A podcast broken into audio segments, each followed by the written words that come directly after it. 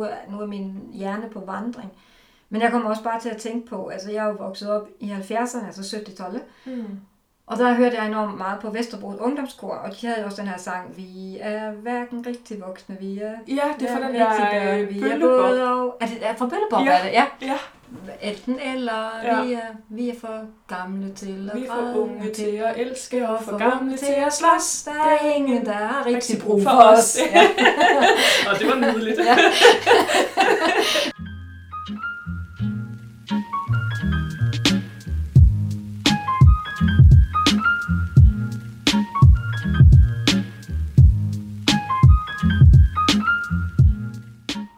Jeg er i dag på besøg hos øh, forfatter Linda Skåret, som også er fra Danmark, fra Esbjerg, hvor jeg også selv er fra.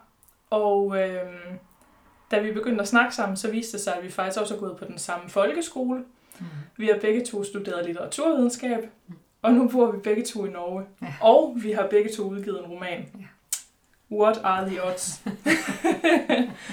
Tusind tak, fordi jeg måtte komme på besøg. Jeg har øh, glædet mig rigtig, rigtig meget til det her. ja, velkommen, og jeg har også glædet mig. Mm. Du har jo skrevet den her øh, roman, Fugl og Fisk, Ja. øh, som øh, foregår i Esbjerg. Og jeg tænkte, om du måske ville begynde med at fortælle lidt om dig selv, Ja. og, og lidt om din roman. Nå, men jeg hedder jo Linda Skåret, og øh, jeg bor heroppe i Norge, og har boet heroppe i, i mange år efterhånden, øh, og har to børn, hvor den ene er lige flyttet til Danmark, og så har jeg min kæreste, som jeg bor sammen med her i Halden, som er helt mod den svenske grænse. Og så er jeg uddannet inden for litteraturvidenskab øh, fra Odense Universitet, men øh, Endnu en ting, vi har til fælles.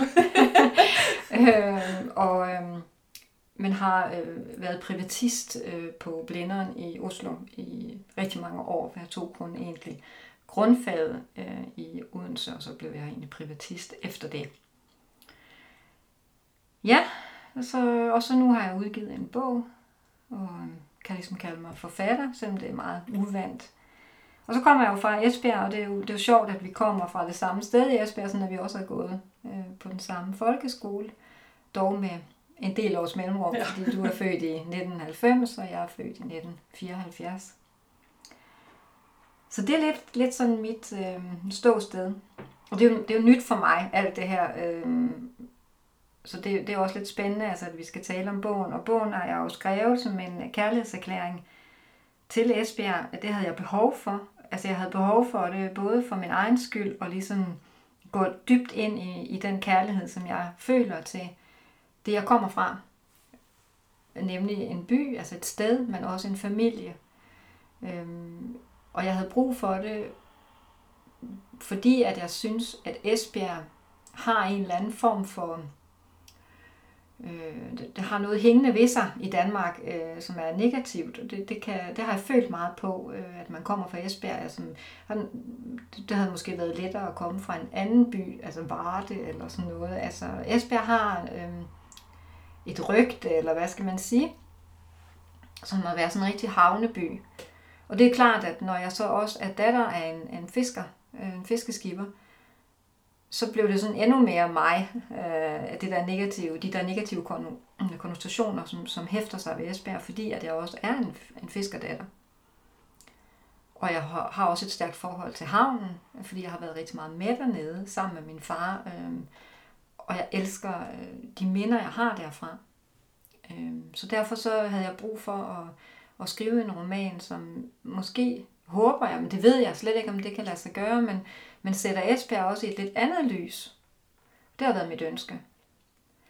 Øh, og uden at jeg ligesom føler, at jeg har pyntet på det. Øh, jeg vil gerne prøve at gå ind og, og give en rigtig skildring. Og det er jo det, der er ligesom, hvis man kan sige, at, at noget er sådan out, altså nu er den blevet kaldt autofiktion, og det er den jo, fordi jeg også selv kommer fra Esbjerg, men, men der er meget i den roman, som ikke er noget, jeg har oplevet, men som er mere et sammensurium af et miljø, som jeg er vokset op i, og som jeg har kendskab til, øh, som ikke er mit, men som jeg har en dyb respekt for det miljø, øh, og en dyb kærlighed til det. Øh, og kan savne det øh, enormt meget, øh, samtidig med, at, øh, at som jeg også skriver i romanen, den hedder jo Fugl og Fisk, ikke? at man er ligesom både, øh, man er både det, det man kommer, eller jeg er i hvert fald det, jeg tror ikke alle er det, men jeg er både formet enormt meget af det miljø, jeg er vokset op i, samtidig som jeg også er blevet formet af at få en lang uddannelse i universitet, altså sammenhæng, ikke? som jo gør noget med en, selvom man måske ikke ønsker det, og man heller ikke klar over det, når man går ind i det. Men det er jo det, der kommer ud i den anden, er jo forandret. Absolut. Øhm, ja, ja, altså du har jo virkelig opremset fint her de tematikker, eller nogle af de tematikker, som, øh, som er gennemgående i din roman, og jeg genkendte mig selv rigtig meget i mange af de her ting, og det er også derfor, jeg synes, det kunne være interessant at snakke med dig om, øh, om din roman.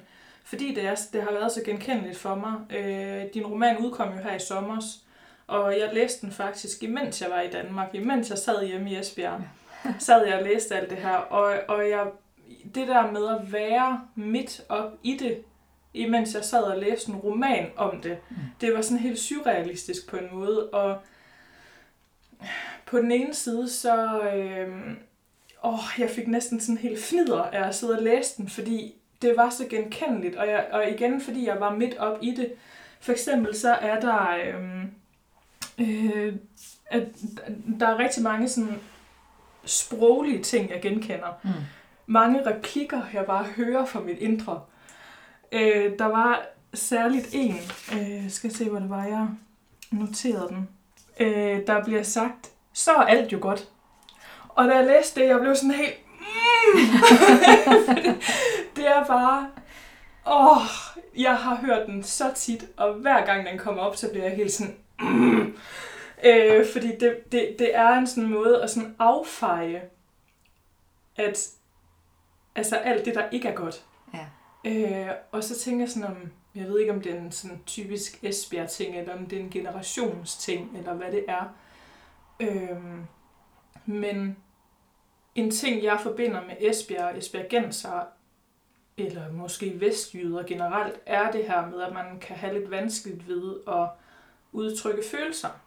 Og der findes rigtig mange af sådan nogle sproglige vendinger, som så er alt jo godt, eller så er det jo fint. Ja.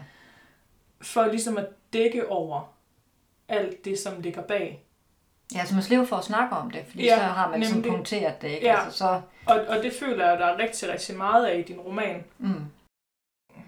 I begyndelsen så tænkte jeg sådan lidt, okay, jeg er faktisk ikke sikker på, at jeg magter at læse den her bog lige nu. Mm. Fordi jeg tænkte, at så, skulle det, at så var det en sådan fortælling om, hvor, hvor øh, forfærdeligt det er i Esbjerg, og hvor godt det var at slippe fra Esbjerg, og, og, og en sådan, altså en, hende her hovedpersonen, mig, øh, som vil bryde med Esbjerg.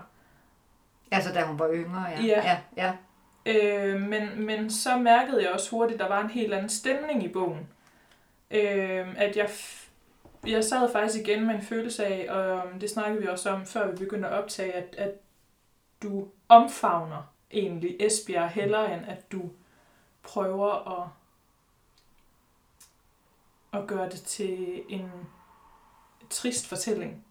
Ja, nej, det ønskede jeg overhovedet. Og det er jeg virkelig ja. sådan imponeret over, hvordan det lykkedes for dig. ja. Jamen, jeg ved ikke, om jeg vil sige, at det lykkedes for mig. Altså, det, det, det faldt jo naturligt, fordi at jeg... Altså, det, det skal jo også siges her, altså, det, det er måske vigtigt at forstå, at, at jeg flytter jo fra Esbjerg i 1994, og der flytter jeg jo op til Oslo og vender på en måde ikke tilbage. Altså jeg har lige den der mellemstation i, i Odense fra 97 til 99, tror jeg det er, hvor jeg går på universitetet der. Og i den mellemliggende, altså i de, jeg mener, i de to år, der er jeg også meget tilbage i Oslo, fordi der har jeg jo så min kæreste, som bor i, i Oslo, så jeg besøger jo ham meget, og, og, øhm, og, og så sker der det, at jeg så flytter tilbage igen. Så når jeg lukker øjnene og er i Danmark, så er jeg i Esbjerg. Altså det, det er mit udgangspunkt, og det er det, jeg kan skrive ud fra. Og det, det, jeg tror, jeg må flytte til Danmark, hvis jeg skal skrive fra et andet udgangspunkt, fordi det er jo det der, jeg kender. Jeg kender de der mekanismer, som du også omtaler med, som jeg, som jeg tror måske er mere vestjysk end Esbjerg. Ikke? At man lige har de der små måder, og, og øhm, så er alt jo godt. Og så skal vi, slipper vi for at snakke mere om det, fordi puh har følelser, det ved jeg ikke lige, hvordan jeg skal tale om. Ikke? Og det, det kender jeg, det ligger jo i min ryggrad. Øhm, så derfor så var det det, jeg, jeg, jeg valgte at skrive om. Og så er det skrevet med en enorm kærlighed til det miljø. Øhm, og, og jeg lavede en person, som jo netop så ikke har det på den måde. Altså hun, hun er faret vild i livet. Altså hun er faret vild om i blåvand, og hun er så også faret vild på en måde i sit eget liv, fordi hun ved jo ikke rigtig, hvem hun er mere, vel? Og så er hun, kommer hun hjem, fordi hendes far ligger for døden, og der skal hun jo hjem. Og der havner hun jo i en situation, hvor, hvor, hvor ting også bliver meget intenst, fordi man kan ikke flygte. Altså når man er i sådan et hjem, hvor der ligger en for døden, så skal man jo også være nærværende øh, i det hjem hele tiden, og det bliver sådan lidt klaustrofobisk altså på en måde, fordi det bliver jo den hårde kerne, der samles øh, rundt den døde. Det gør det i hvert fald i min roman. Øh, det, det behøver jo ikke nødvendigvis at være sådan, men i den roman her, så, så blev det et valg at ligesom tage andre personer væk, og så kun have den nære, nærmeste. Øh, for ellers blev det også lidt for mange, og måske for læseren, eller der skulle det måske have været en tykkere bog. Ikke? Og der bliver, det jo, bliver hun jo konfronteret med sin familie, men også i og med, at jeg tror, når en forælder dør, så bliver man også øh, bevidst om, at nu er det uigenkaldeligt slut. Øhm, nu er der ligesom den historie, som man deler med den forælder, den, den er du nu den eneste, der ejer og har. Og har du nu fået sagt alt det, du skulle, og har du nu fået forsonet dig med, med de ting, man går rundt med? For det tror jeg, alle børn har jo et eller andet. Altså, og det har man måske især, hvis man kommer fra Vestjylland, hvor, hvor de store følelser ikke bliver omtalt, og, og hvis man så selv er måske et, et følelsesmenneske, så kan det jo være meget hårdt, altså i virkeligheden. Og det tror jeg nok mig, hun, hun føler lidt på, at, at, at man taler ikke om det, der er vigtigt i det hjem, der måske lidt, eller man sætter ikke ord på det helt, og det har hun på en eller anden måde måske brug for. Øh, og så gør hun det på sin egen måde, og på den måde så omfavner hun det hele, øh, og ligesom vedkender sig, at det er jo det, hun kommer fra. Og det kan hun jo ikke lave om på. Og det tror jeg måske heller ikke, hun vil, når vi står til sidst i romanen. Så tror jeg, at hun accepterer... Øh, det, det er så dumt ord at sige, at man accepterer sin plads. Mm. Men hun accepterer i hvert fald, at hun ikke er nødvendigvis centrum. Altså man er jo altid centrum i sit eget liv. Men det er man alligevel ikke i virkeligheden vel. Altså i den virkelige, virkelige verden, så er der jo ingen, der rigtig ejer et centrum. Og, og en søskende flok, så er man jo heller ikke et centrum, for der er jo en eller anden energi og en eller anden dynamik. Og når man er den yngste, som mig er, og det er jeg også selv, og det er nok derfor, jeg også kunne skrive ud fra det udgangspunkt, så er der allerede nogle strukturer, man bliver født ind i. Og der er bare nogen, der har kendt dig hele livet. Og du har også kendt dem hele livet men du har kun kendt dem dit hele liv. Du har ikke kendt dem. Øh, og det tror jeg er noget meget specielt. Det kan i hvert fald mærke også nu, når jeg selv har fået børn, at det der med, at man har fulgt et menneske fra den er lille bitte og til den vokser op, man ser alle, ud, alle de der udviklingstrin øh, og, og forandring. Jeg kan jo stadigvæk, når jeg ser på mine børn, se dem i alle deres aldre. Og det gør noget med ens øh, forhold, og den har man ikke, når man er lillesøster eller lillebror. Fordi man kommer ligesom ind i en færdig støbt form. Øh, og, og den kan man jo sikkert slås med, øh, og man kan også lade være. Mm. Og, og det er det, hun, hun stopper med at slås med den. Ja. Og accepterer på en måde, at øh, de var her før mig, og jeg mm. har aldrig været her uden dem. Ja, netop. Men, men det tænker jeg også, at vi måske egentlig bare kan lægge ud med at, at gå lidt i dybden med hende her Maj, fordi jeg, jeg havde egentlig lidt, øh, jeg har følelsen af, at jeg har lidt vanskeligt ved at gennemskue hende. Mm. Øh, at der er jo, øh, jeg ved ikke om jeg, om jeg tænker, at der er en stor uoverensstemmelse med, hvordan hun ser sig selv, og hvordan de andre ser hende, og det, det er jo selvfølgelig også indlysende, men altså, for eksempel så, øh, hendes ene søster, siger, øh, jeg tror, du holder os alle sammen for nar, mm. ligesom du plejer. Og så tænker jeg sådan lidt, altså den, den stussede jeg meget over, sådan, hvad mener hun med det? Og, og så, så bliver der også øh, skrevet, at hendes kæreste Olav øh, som jeg for øvrigt synes er lidt af et røvhul, men øh, han, han beskriver hende som flimrende. Mm. Kan, kan, vi prøve, kan vi prøve at gå lidt i dybden med det? Med at, en, der hold, at hun er en, der holder familien for nar, og at hun er flimrende. Hvad, hvad, hvad har du tænkt, der ligger i det? Jamen det har jeg tænkt, altså det der ligger i det, ud fra hvad jeg har tænkt, Mm. mm. øh, og det er jo ikke sikkert, det er sandheden, men der har jeg tænkt, at mig, hun har haft svært ved at, øhm, at blive et helt menneske. Mm. Øh, at hun har øhm, bevæget, altså hun har jo foretaget, altså jeg, jeg er ikke så vild med det ord, men jeg kan ikke lige finde sådan øh, et andet ord, men altså den her klasserejse, som hun har foretaget sig, og som, som jo også er et skuespil, Mm. øh, tror jeg, for, for mange af os, for jeg kan også godt putte det på mig selv, som har foretaget en klasserejse, så bliver det også lidt sådan, øh, for mig i hvert fald, så følte jeg, da jeg begyndte på universitetet, så galt der nogle andre regler. Øh, Jeg måtte begynde at ændre lidt på måden, jeg talte på. Jeg måtte tilegne mig et akademisk sprog og et akademisk tankesæt. Og det var jo unaturligt for mig. Mm. Og, og jeg tror, at nogen de evner at omfavne det og blive den nye person. Men for mit vedkommende, og, og, og det har jeg så også tillagt mig, så tror jeg, det har været utrolig vanskeligt. Ja. Øhm, og dermed så tror jeg, at man bliver en, en, øh, en, en lidt sådan statist eller en skuespiller på en måde, fordi man, man indtager aldrig rollen helt. Mm. Øhm, og på den måde så tror jeg, at, øh, at hun bliver et flimrende menneske, fordi Mm. at hun bevæger sig på den ene side, så øh, har hun lagt det aspergensiske fra Mm. sig, siger Mm. hun.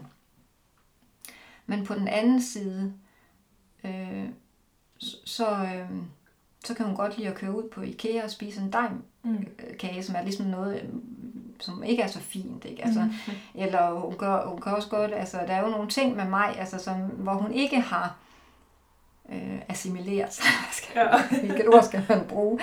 Øhm, og det tror jeg gør hende flimrende, og så tror jeg også sådan over for søskende, sådan, at du holder os for nar. Altså, de synes måske, hun er blevet lidt fin på den også. Altså, det er måske også det, de mener.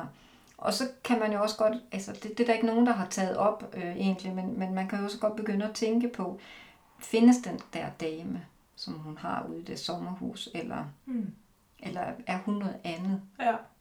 Øhm, fordi det har de jo også svært ved at tro. Altså, det er jo også lidt mærkeligt. Altså, hvordan, hvordan ender man ude hos en dame i et sommerhus? Altså, og havde hun ikke, som han siger, Flemming, altså, kunne du ikke få lavet din mobil hos hende? Jamen, det tænkte jeg ikke på. Mm. Altså, er, er der en lille, er der noget med mig? Altså, det vil jeg gerne have, altså, man måske, øhm, øh, som læser, hun skulle ikke være helt troværdig. Altså, man måtte godt få nogle små stikpiller til, at mig er heller ikke et lam. Altså, mig er heller ikke bare den der perfekte, som, åh, jeg har slås og kæmpet for min position. Altså, hun, der er noget, øhm, hun er lidt, øh, jeg vil godt bruge det der ord, statisten i Mm. familien, ikke? Ja. og hun indtager meget let den rolle. Netop fordi hun, det er jo ligesom om hun også søger det lidt. Ja, altså, det gør jeg tænker, hun. det er jo både det her med, at så har hun valgt at, øh, at studere på universitetet, øh, som er den første sådan markante øh, be, bevægelse i miljø, og så vælger hun også at flytte til Norge. Mm. Så det er jo sådan hele tiden som om, at hun ja, rent faktisk udvisker sig selv. Mm. Altså fordi man kan sige, så kunne hun måske også have trives med at øh, flytte fra Esbjerg til Odense og studere på universitetet, og så var det hende ligesom. Mm. Men så tager hun det næste skridt ved Mm. også at flytte til Norge Mm. og øh, forsøge at blive norsk, Mm. som hun egentlig heller ikke føler sig som. At det er Det sådan hun hele tiden det der, ja, det der med, at hun, som, ja, som du siger, så, så bliver hun en statist, uanset hvor hun befinder sig Mm. og, og måske øh, for mig at se sådan lidt ubevidst opsøger det. Men, men altså, så virker det også, som om hun blev lidt overrasket. Øh, eller, eller jeg som læser blev faktisk lidt overrasket over, at de andre opfatter hende på den her måde. Opfatter hende som, at hun er en, som holder nogen for nar, og Mm. opfatter hende som flimrende eller Mm. næsten transparent. Mm. Men, men, men så kommer der også, fordi jeg, jeg føler, at der kommer mange erkendelser øh, øh, fra hende selv undervejs. Mm, for eksempel så, så siger hun næsten helt mod slutten, at øh,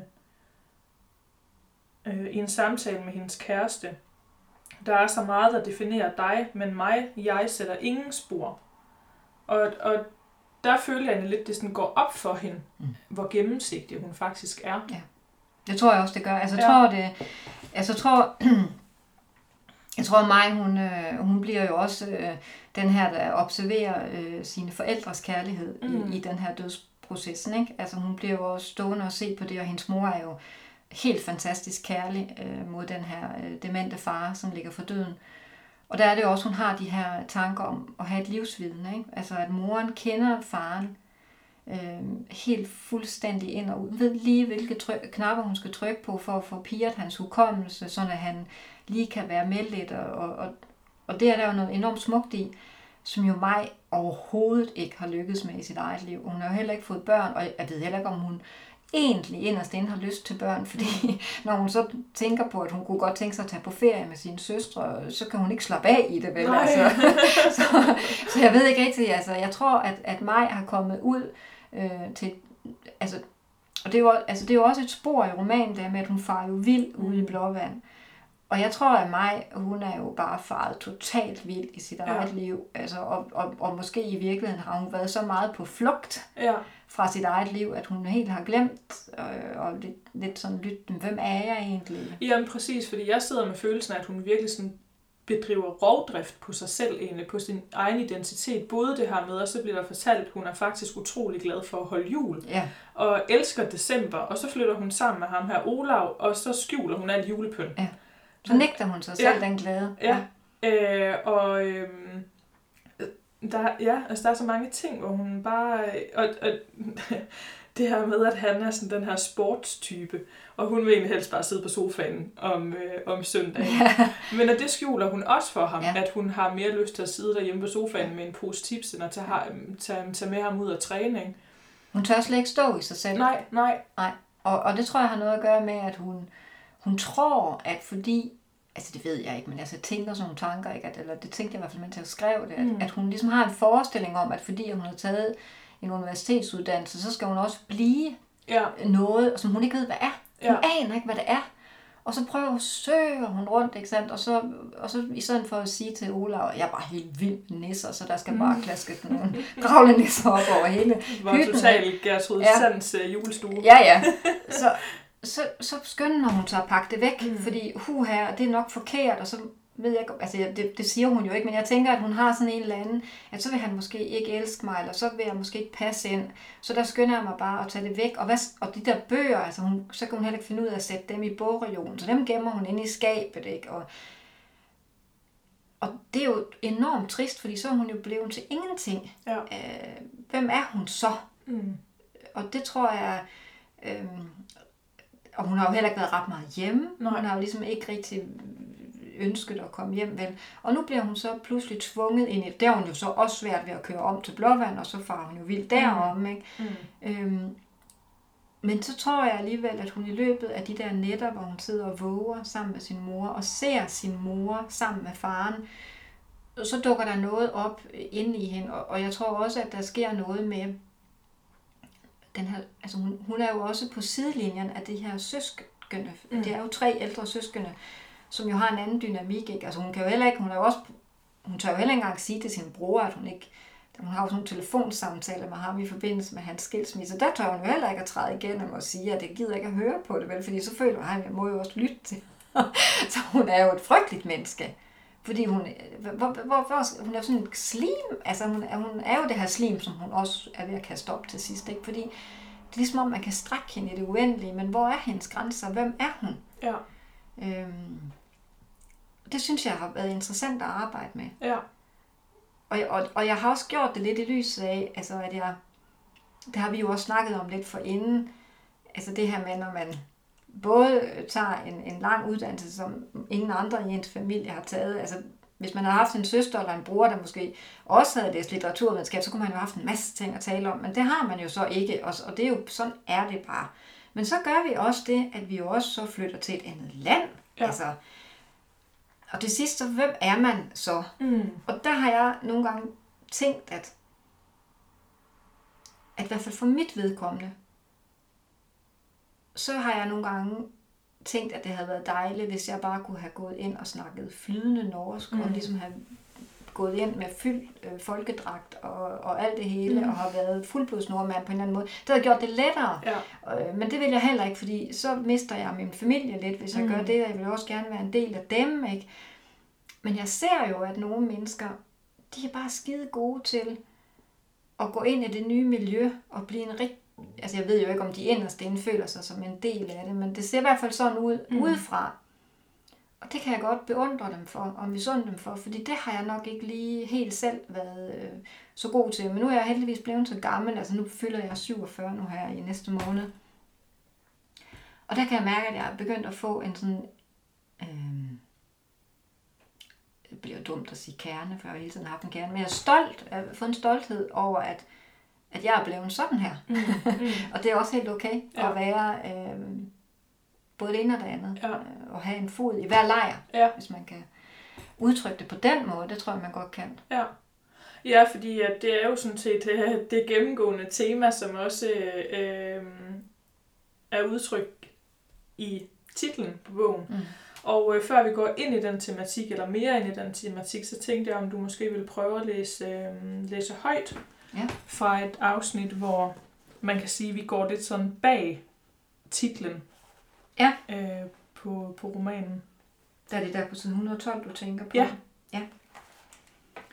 Og der er hun jo så igen øh, om i sommerhusmiljøet øh, der i Blåvand, ikke? Mm. Øh, om hos den her dame. Hun er jo kørt tilbage igen for at, at besøge hende.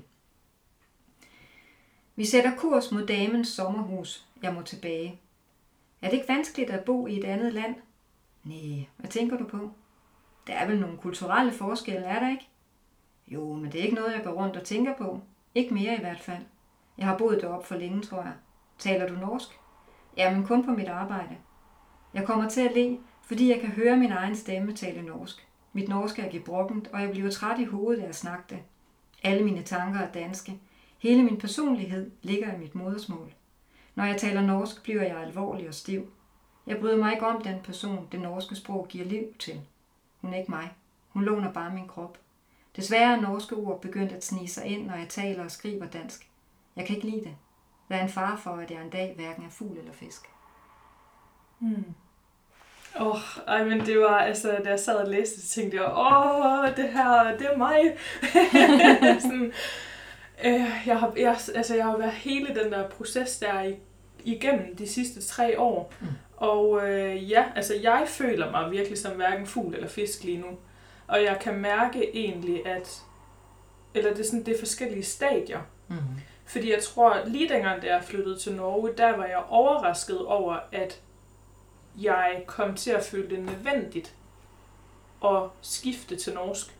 Og lægge så meget om, som jeg har gjort. Nu skal det også lige sige, jeg synes, det er vigtigt øh, for lytterne, at du flyttede jo så til Trondheim. ja, Som der, faktisk er et helt andet øh, land. land. Ja, eller det er i hvert fald sprogligt et andet land. Fuldstændig et andet land sprogligt. Øh, ja. Fordi der er jo bare en helt markant anderledes dialekt i Trondheim. Men så når jeg flyttede til Oslo, og jeg boede jo så også de første to år på vestkanten, og der taler man jo næsten til nærmest øh, dansk, og så ja. taler man sådan noget. Ikke? Ja. Um, så det var jo, jeg gled jo på en måde lettere ind, mm. end jeg vil tro, at du gør, når du flytter ja. op til Trondheim. Ja, men det er rigtigt, for der er jo ingen, der forstår en skid af, hvad jeg sagde. Nej, nej. øhm, og, øh, og jeg... Øhm,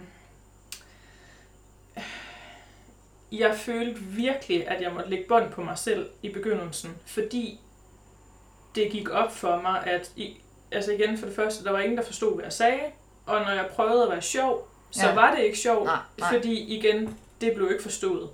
Fordi rigtig meget af min humor går på det sproglige. Mm. Øh, så der var utrolig mange pointer, der gik tabt.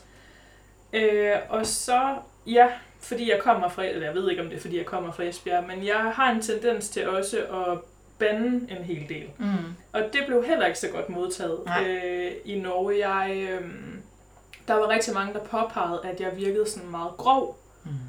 Øh, og, og så, men også fordi så er jeg rigtig sarkastisk også. Mm. Så sådan, de ting blandet sammen, det var bare en god kombination. Nej, nej. Øh, så jeg lavede om, eller gjorde alt, hvad jeg kunne for at lægge om til norsk.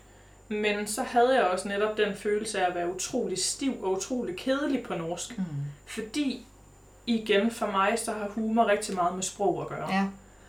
Øh, så der var jo så mange ting, jeg ikke vidste. Der var så mange ting, jeg ikke havde indblik i. Og så, så jeg kan ret og slet ikke være sjov på norsk.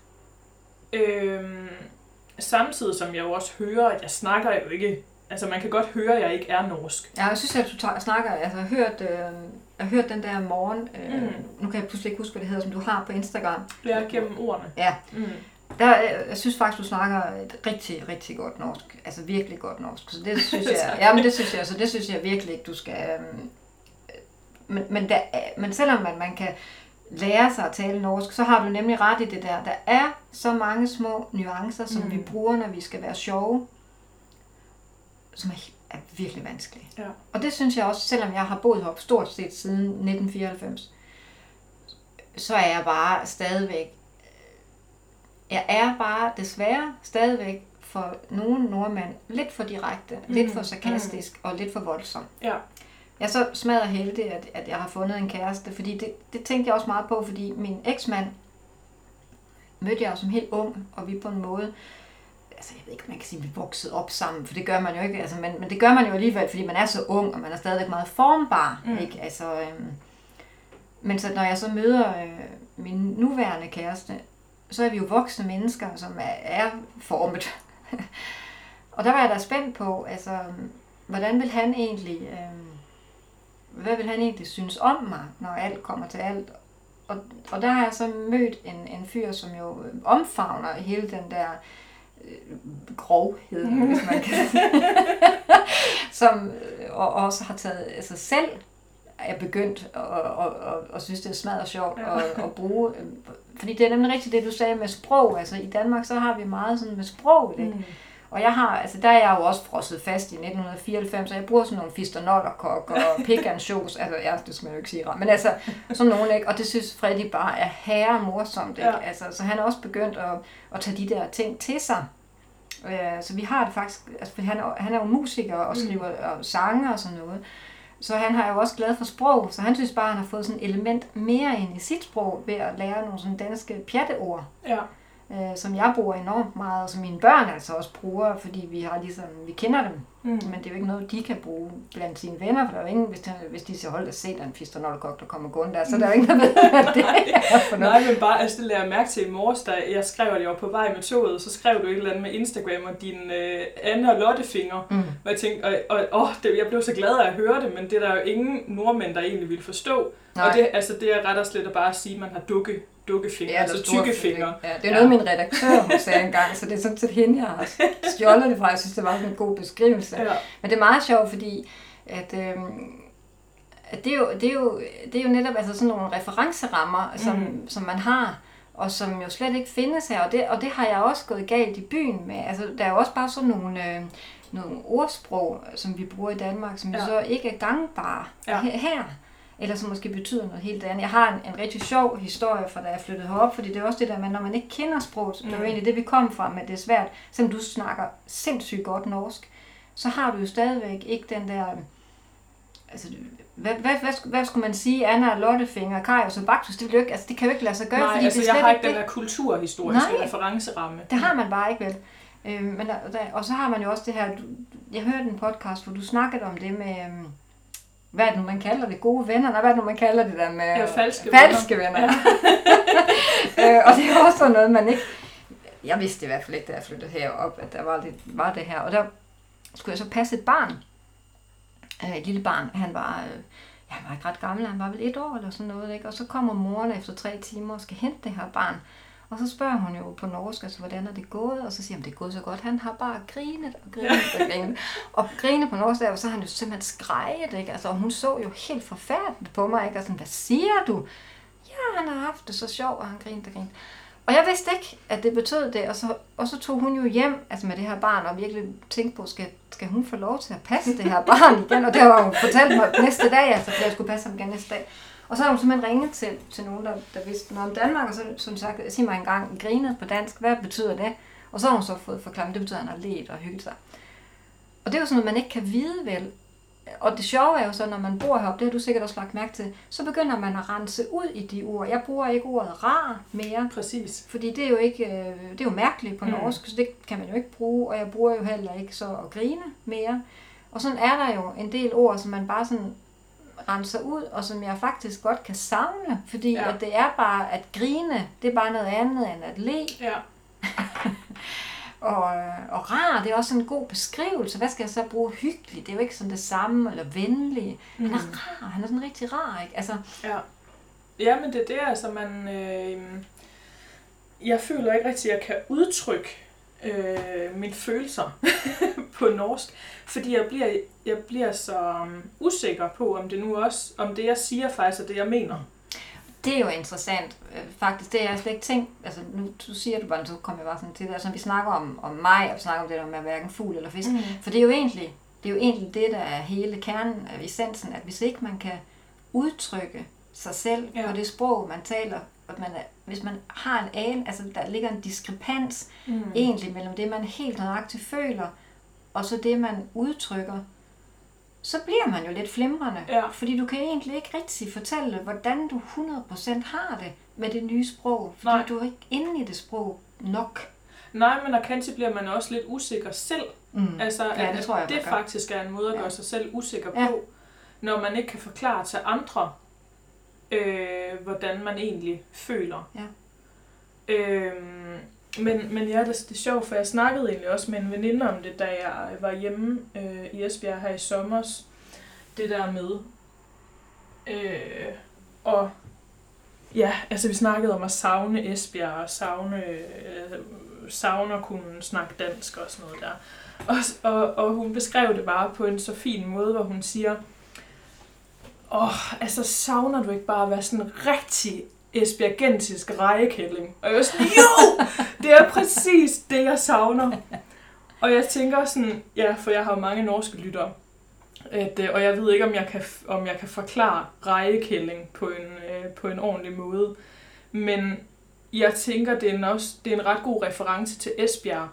Fordi, som du lagde ud med at sige, Esbjerg er jo kendt for sin havn. Ja.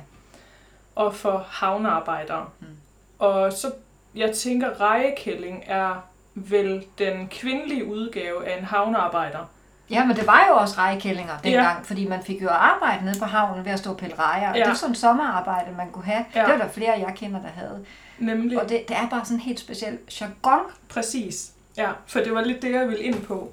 At øh, det at være en rejekælling eller en havnearbejder, det er jo nærmest også indbegrebet af at være esbjergenser. Ja, det er det. Det er det der med, at du er ret grov i munden. Øh, Ja. og, øh, og så tænkte jeg, da jeg gik sådan, og jeg gik gået og tænkte over, hvordan jeg sådan skulle prøve at forklare rejekælling. Hvad er en rejekælling? Og så kom jeg i tanke om øh, en kollega, jeg engang havde. Øh, jeg arbejdede i en kantine, øh, stod i opvasken. Og øh, så havde jeg den her kollega Åse. Og Ja. Åse var et gennemgående fantastisk menneske, men hun, altså, hun øh, var, var meget, meget grov selv for altså, Esbjergenser at være, ikke? Mm. Øh, men, men når jeg tænker på hende, så tænker jeg på indbegrebet af rejekælling. Det var sådan, de første par dage, da jeg var i oplæring, så, øh, jeg, jeg kan, og jeg kan ikke huske, hvad det var, jeg gjorde, men jeg havde gjort et eller andet, og så lige så råber hun bare, hvis du gør det en gang til, så rykker jeg fandme hovedet af dig. og, og det er sådan, så kom jeg til at tænke, det vil jeg aldrig nogensinde høre her i Norge. Nej, Så- nej, altså, nej, nej, det tror så jeg. Jo, måske så- i Nordnorge. Måske Ja. i Nordnorge. Men altså, så vil vedkommende jo blive meldt til politiet for Ja, ja, ja, ja, ja. ja. chikane, og jeg ved ikke hvad. Øh, men det var bare sådan Åse, hun snakkede. Og det tager også lidt tid sådan lige at lære den der jargon. Øh, eller hun kunne finde på, og jeg husker, der var en aften, hun stod sådan lidt, øh, vi havde sådan en lille øh, spiseområde og garderobe og sådan, og så stod hun med sådan hele hånden nede i sine bukser. Og jeg tænkte, hvad, hvad er det, laver? Åse? Og så siger hun så, Åh, altså kender du ikke det der med, når underbukserne ligesom sætter sig fast mellem alle folderne? Ja. og når jeg tænker tilbage på det, så tænker jeg igen, det, altså, det er en rejekælling. Ja, Ja. det er det. Ja. Og det er fantastisk. Jeg elsker det. jo. Altså, jeg Ja, og jeg, elsker jeg savner den det dame. Jamen, det gør virkelig. jeg også. Altså, min veninde, hun sagde det, så mærkede jeg sådan fysisk, Mm, hvor mm, meget mm. jeg savner. Jeg savner Åse. Mm, Jeg savner at kunne sige sådan. Ja. Fordi, Og også få det sagt til Ja. Altså, jeg elsker den der direktehed, og dem, øhm, da jeg skrev øhm, Fugl og Fiske, og, og jeg skabte Bo, mm, så er han lidt min, øh, min sådan... Øh, han, han synes, jeg synes, at Bo er lidt sådan typisk øh, ærke Esbjergenser. Jeg Ja. forestiller mig, at han bor ude på Gamle Vardevej. Eller sådan noget. Altså, jamen, der er bare noget sådan over ham, ikke? Og han er jo sådan en, der ligesom synes, han er meget Esbjergensisk. Jeg køber knaller. Ja, han køber knald, altså, og jeg får, og sådan, jeg gav ham godt nok ikke træsko på, men han, han har jo sådan nogle HTO klipklapper på, og så er han ligesom sådan, og jeg elsker den type. Øhm, og, og elsker Annette, som har den her grillbar, ikke? Ja. Ja. Altså, det, det, det, er så fedt, altså, og jeg, og jeg, når jeg sad og skrev Fugl og Fisk, så følte jeg bare, at jeg var så meget hjemme, også i min egen krop. Mm. Altså, jeg elskede det bare, og, jeg, og da jeg læste højt for Freddy, altså, der, der både lå, og, og jeg også fik sådan en klump i halsen, fordi jeg bare sådan, kom bare pludselig til at savne de her mennesker, som jeg jo ikke engang kender, altså, som jeg selv har skabt. Det er jo bare det er jo ud af min egen Ja. fantasi, stort set. Ikke? Ja. Men, men for mig så er de virkelig indbegrebet af nogle mennesker, jeg føler, jeg kender, og som. Mm. jeg elsker dybt, og som jeg bare virkelig, virkelig kan savne. Og jeg savner det faktisk så meget, at, at jeg lige nu har indgået en lille pagt med, med Freddy om, at, øh, at jeg, har, jeg har helt vildt lyst til på et tidspunkt at skrive en sådan rigtig Esbjerg-roman. Ja. Det kunne jeg godt tænke mig. Virkelig sådan en, jeg ved ikke lige, hvad den skal handle om, og sådan, men jeg kunne virkelig godt tænke mig en rigtig Esbjerg-roman. Og så sagde jeg til men der er jeg nødt til, jeg er nødt til at bo dernede, så for jeg kan Mm. ikke skrive herfra. Nej. Altså jeg er nødt til at være nede i Esbjerg. Jeg kender heller ikke, det kan vi også komme ind på, jeg kender ikke Esbjerg helt, som den er i dag. Altså det er jo også derfor, jeg har mange referencer tilbage i tid, fordi det er det Esbjerg, jeg kender. Så der har vi sådan indgået, at når øh, nu er min ældste jo flyttet hjemmefra, og den yngste, hun, der var jo ikke længe inden hun flyttede hjemmefra, hun går jo i 2G, at så, så må vi tage et ophold på, et, på nogle måneder Mm. nede i Esbjerg, Ja. ja. og bo dernede og, og være dernede, så jeg virkelig kan få det hele ind under huden igen, og Mm. gå i gaderne, og, og jeg vil også rigtig gerne være rigtig meget nede på havnen igen. Altså, Ja. lige, det har vi jo også snakket om, før vi gik i gang, at, øhm, at Esbjerg Havn er jo stadigvæk, den ligger jo stadigvæk dernede, men det er jo lidt som sådan en død, forladt by. Ja, absolut. Fordi hvad var, hvad var din farfar, eller hvad var det morfar, der plejede at sige? Skulle vi lige... Ja, altså øh, min farfar har jo også øh, arbejdet på havnen Ja. øh, ved DSB, øh, hvor han styrede togene. Ja, Øh, Ja. Og hvad, altså, om søndagen, hvis vi var på besøg derinde, og de syntes, vi skulle ud og have frisk luft, ja. Ja. så plejede min farfar at sige, skal vi lige vende havnen? Ja, og det gjorde min far. Han brugte også det Ja. ja. udtryk, der havde helt glemt. Jeg er så Ja. ked af, at det ikke er med i fugl og fisk, fordi det er bare også sådan et esbjergensisk Ja. ja. udtryk, ikke? Og også det der med, at man siger rundkørslen, der er jo flere rundkørsler i Ja, Esbjerg, men alle ved, ved, hvad det er for en rundkørsel, vi snakker om. det synes jeg er fantastisk. Øh, og, og det der, skal vi lige vinde, skal vi lige vinde havnen? Ja.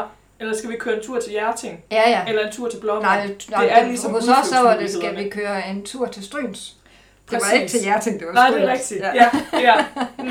Men, øhm, men det der med at vinde havnen, Ja. og når, i hvert fald, nu er, nu er du jo en del år yngre end mig, men, Mm. men alligevel så levede jo havnen, fordi den døde jo først om, omkring år 2000 Ja. ja. op i der.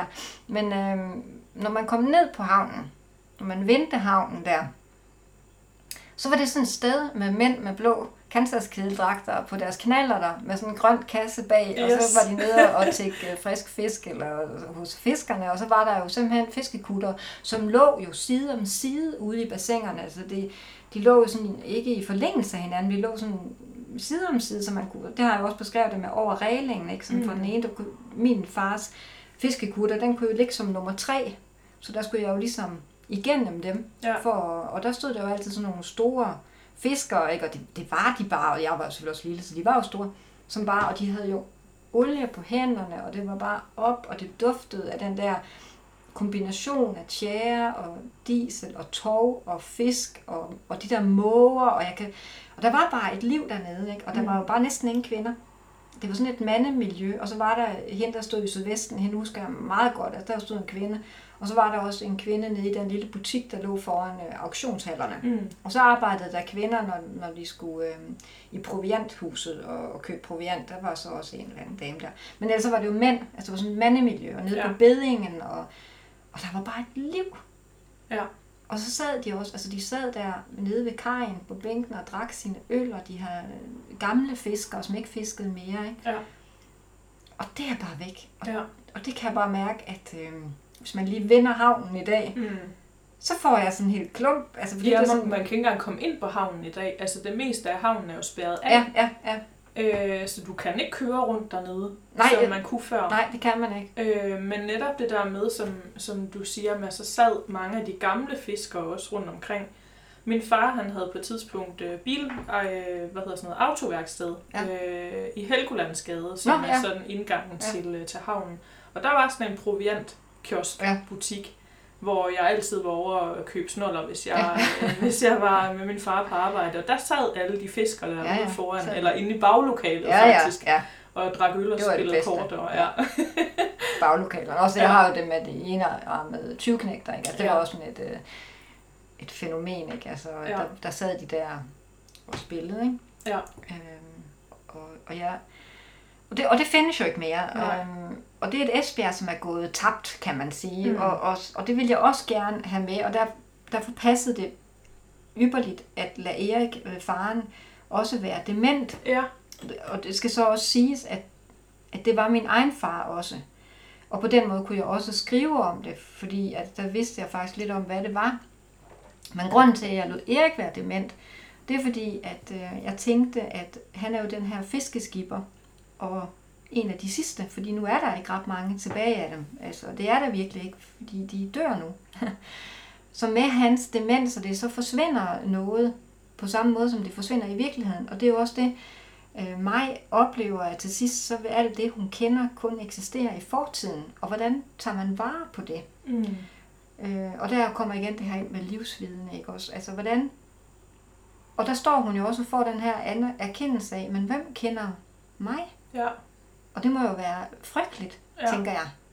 Øhm, hvis ikke du har børn, og ikke har øh, en kæreste, som du har vist dig for, for det har hun jo ikke. Så er du lidt på skideren, tænker jeg. Ja. Øhm, det tænker jeg, ligesom, det må da bare være noget enormt trist i, ikke? Altså, fordi hvad, hvad hvis hun pludselig bliver dement? Hvem skal holde liv i hende så? Mm. Altså, mens at, at ham her, Erik, ikke, han, han bliver jo holdt i, li, altså, i live. Det gør han jo ikke, for han lever jo, men altså, men han, moren der, Bente, hun ved jo akkurat, hvad hun ligesom skal gøre for at få ham lidt i snak, eller for at få ham til at smile, eller for at få ham til at huske lidt.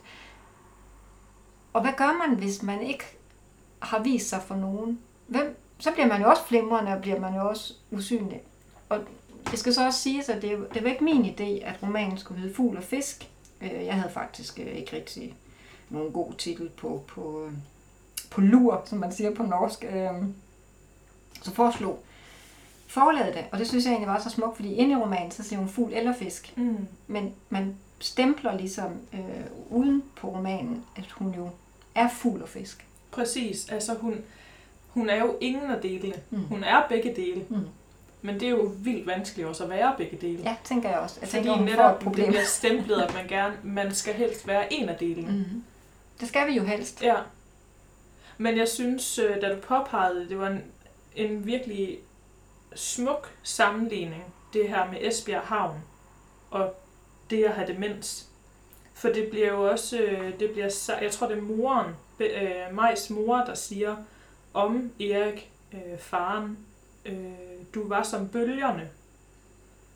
Og det, altså det her med, at han sådan, lige når, når de tror, han er på vej ind fra havet, så er han på vej ud igen. Mm. Og jeg tænker, det beskriver jo faktisk også det at have demens utrolig godt. Mm. At ligesom man Det jeg tror, slet ikke tænkt på, men det er rigtigt. at de er på vej til at være den, de var, Mm.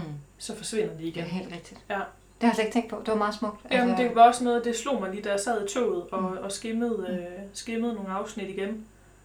Øhm, og ja, som du siger, det er så vigtigt at have, at der er nogen, der kender din historie. Mm. Øh, og, og igen, det har, det har ikke rigtig sådan slået mig før nu egentlig. Øh, at det, mås, det måske er det, jeg kan føle mangler. Mm. At, altså fordi, den første tid, da jeg flyttede til Norge, der, der var jeg rigtig optaget af at blive norsk. Ja, ja. Netop sådan for at undgå misforståelser. Nå ja, men sikkert og også, fordi det er jo i- et eventyr at flytte til et andet land Præcis, også. Ja. og netop fordi jeg havde et meget, meget stærkt behov for at komme væk fra fra Esbjerg. Altså Mm. fordi nu har vi jo siddet og snakket om det her med at savne Esbjerg, mm. og, og har fortalt al vores øh, idyll om Esbjerg her. Men der er også der, har, der er en rigtig stor del af mig, som har haft behov for at fjerne mig fra Esbjerg, mm. fordi jeg heller ikke identificerer mig med Esbjerg. Mm. Øhm, En del af dig identificerer dig i hvert fald ikke med det, fordi du sagde jo også, at du savner at være en rejekælling? Ja. men så er der også noget af dig, som, som strider. Det er netop det, og, og, og det er der, hvor jeg genkender mig selv i det her med hverken at føle mig som fugl eller fisk. Mm. Fordi jeg... Jeg tror, at jeg brugte så meget energi på at fjerne mig så meget som muligt fra det at være dansk, eller det at være fra Esbjerg, og, og i forsøget på at blive norsk og blive ligesom alle andre, eller det der med ikke at stikke udenfor. Mm. Og at det ikke skulle være så i øjefaldende, at altså med en gang jeg åbnede munden, så ville jeg ikke have, at det ligesom skulle afsløres, at jeg var dansk, fordi jeg, fordi jeg i starten mærkede så meget, hvordan, mm, altså både det her med, jeg, jeg havde faktisk jeg havde mange oplevelser af, folk ret og slet øh, ikke ville blive kendt med mig, fordi jeg snakkede dansk. Altså fordi det var en ekstra udfordring at lære mig at kende, fordi jeg snakkede dansk. Altså så er det lettere bare at så, altså, Ja, ja, men det er ikke det jo. snakke med mig. Ja, det er det. Øhm, Det er jo lidt besværligt. Altså, man- Netop. Ja. Øh, og så så har jeg sådan haft en periode nu, hvor og måske har det også haft lidt at gøre med corona, og at man ikke har haft muligheden for at rejse hjem, og man har været meget alene og alt sådan noget der. Men, men så har jeg egentlig mærket et behov for at, at få noget af det danske tilbage igen. Mm. Mm. Øhm, og nu føler jeg egentlig, at jeg sådan lidt, altså står lidt i sådan ingen, ingenmandsland. Men, men, men jeg synes, altså, det jeg synes er så interessant, det er netop det der med, at for mig, hun, som vi startede med at snakke om, hun, hun gør jo mange flugtforsøg. Altså hun, hun gør mange forsøg på at skifte miljø Mm. tager en universitetsuddannelse, øh, men er heller ikke på plads i den rolle. Altså Mhm. det her med, så skal hun, hun skal skrive, når hun skal skrive opgaver på universitetet, så bliver det påpeget, at hun skal have et mere akademisk Mhm, sprog, mhm. hvor læreren siger, det, det her er ikke Esbjerg Havn. Nej. Og igen, jeg tænkte, åh, så genkendeligt. Ja. Ja. øhm, og så flytter hun til Norge og, og øh, forsøger også at være norsk, men at der er så meget i Danmark, som hun også gerne vil have med. Og, og ja, hun gør det ikke let for sig selv. nej, nej, nemlig. Og, og jeg, det er så interessant, det her, synes jeg. Og, Men det er jo også fordi, du læser det jo også, altså du, det er jo meget interessant at, høre dit take på bogen, eller dine tanker om bogen, Mm. jeg vil ikke bruge så et engelsk ord. Fordi du jo netop, som mig og mig, kommer fra Esbjerg, ja, taget en universitetsuddannelse som den første i din familie, og så flytter til Norge. ja, Så det, så det må også være, det må være sådan lidt chokagtigt Ja. at læse ja. For det har jeg jo ikke tænkt på, at der kan være andre, der, og det er jo også litteratur. Ej, nu hun studerer nordisk. Ja. Nej, men, altså, men det kunne lige så godt være litteraturvidenskab, ikke? Så det, det er jo også sådan, altså det tænker jeg ligesom, det må også være lidt, det ved jeg så ikke, om jeg har læst en, en bog nogensinde, som er så identisk med, Nej, med nej, men ikke det, mig det jo heller. lidt Altså, det, skræmmende, var, ikke? det, det var fuldstændig vildt. ja. Altså igen, som jeg startede med at sige, jeg var ikke engang sikker på, at jeg sådan helt magtede at læse den på det nej, tidspunkt. Nej, nej. Øh, fordi det, det var virkelig... altså, jeg følte, øh, jeg følte virkelig, det var mig, eller, eller sådan, jeg, jeg hørte alt, alt hvad der står i romanen, det hørte jeg ligesom for mit indre. Ja. Og du Øh, øh, hørte det jo også om rundt dig, omkring dig.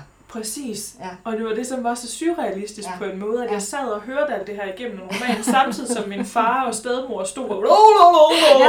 ved siden af. Ikke? og, og særligt det her med, øh, der er på et tidspunkt, hvor, hvor Erik han, øh, han siger, det var lige godt satans. Ja, Og, og hvor jeg sådan, min far havde lige sagt det. Ja, Det er lige godt grov. Ja. ja, ej, det var næsten, øh, det var næsten til at kunne være i det. ja, ja.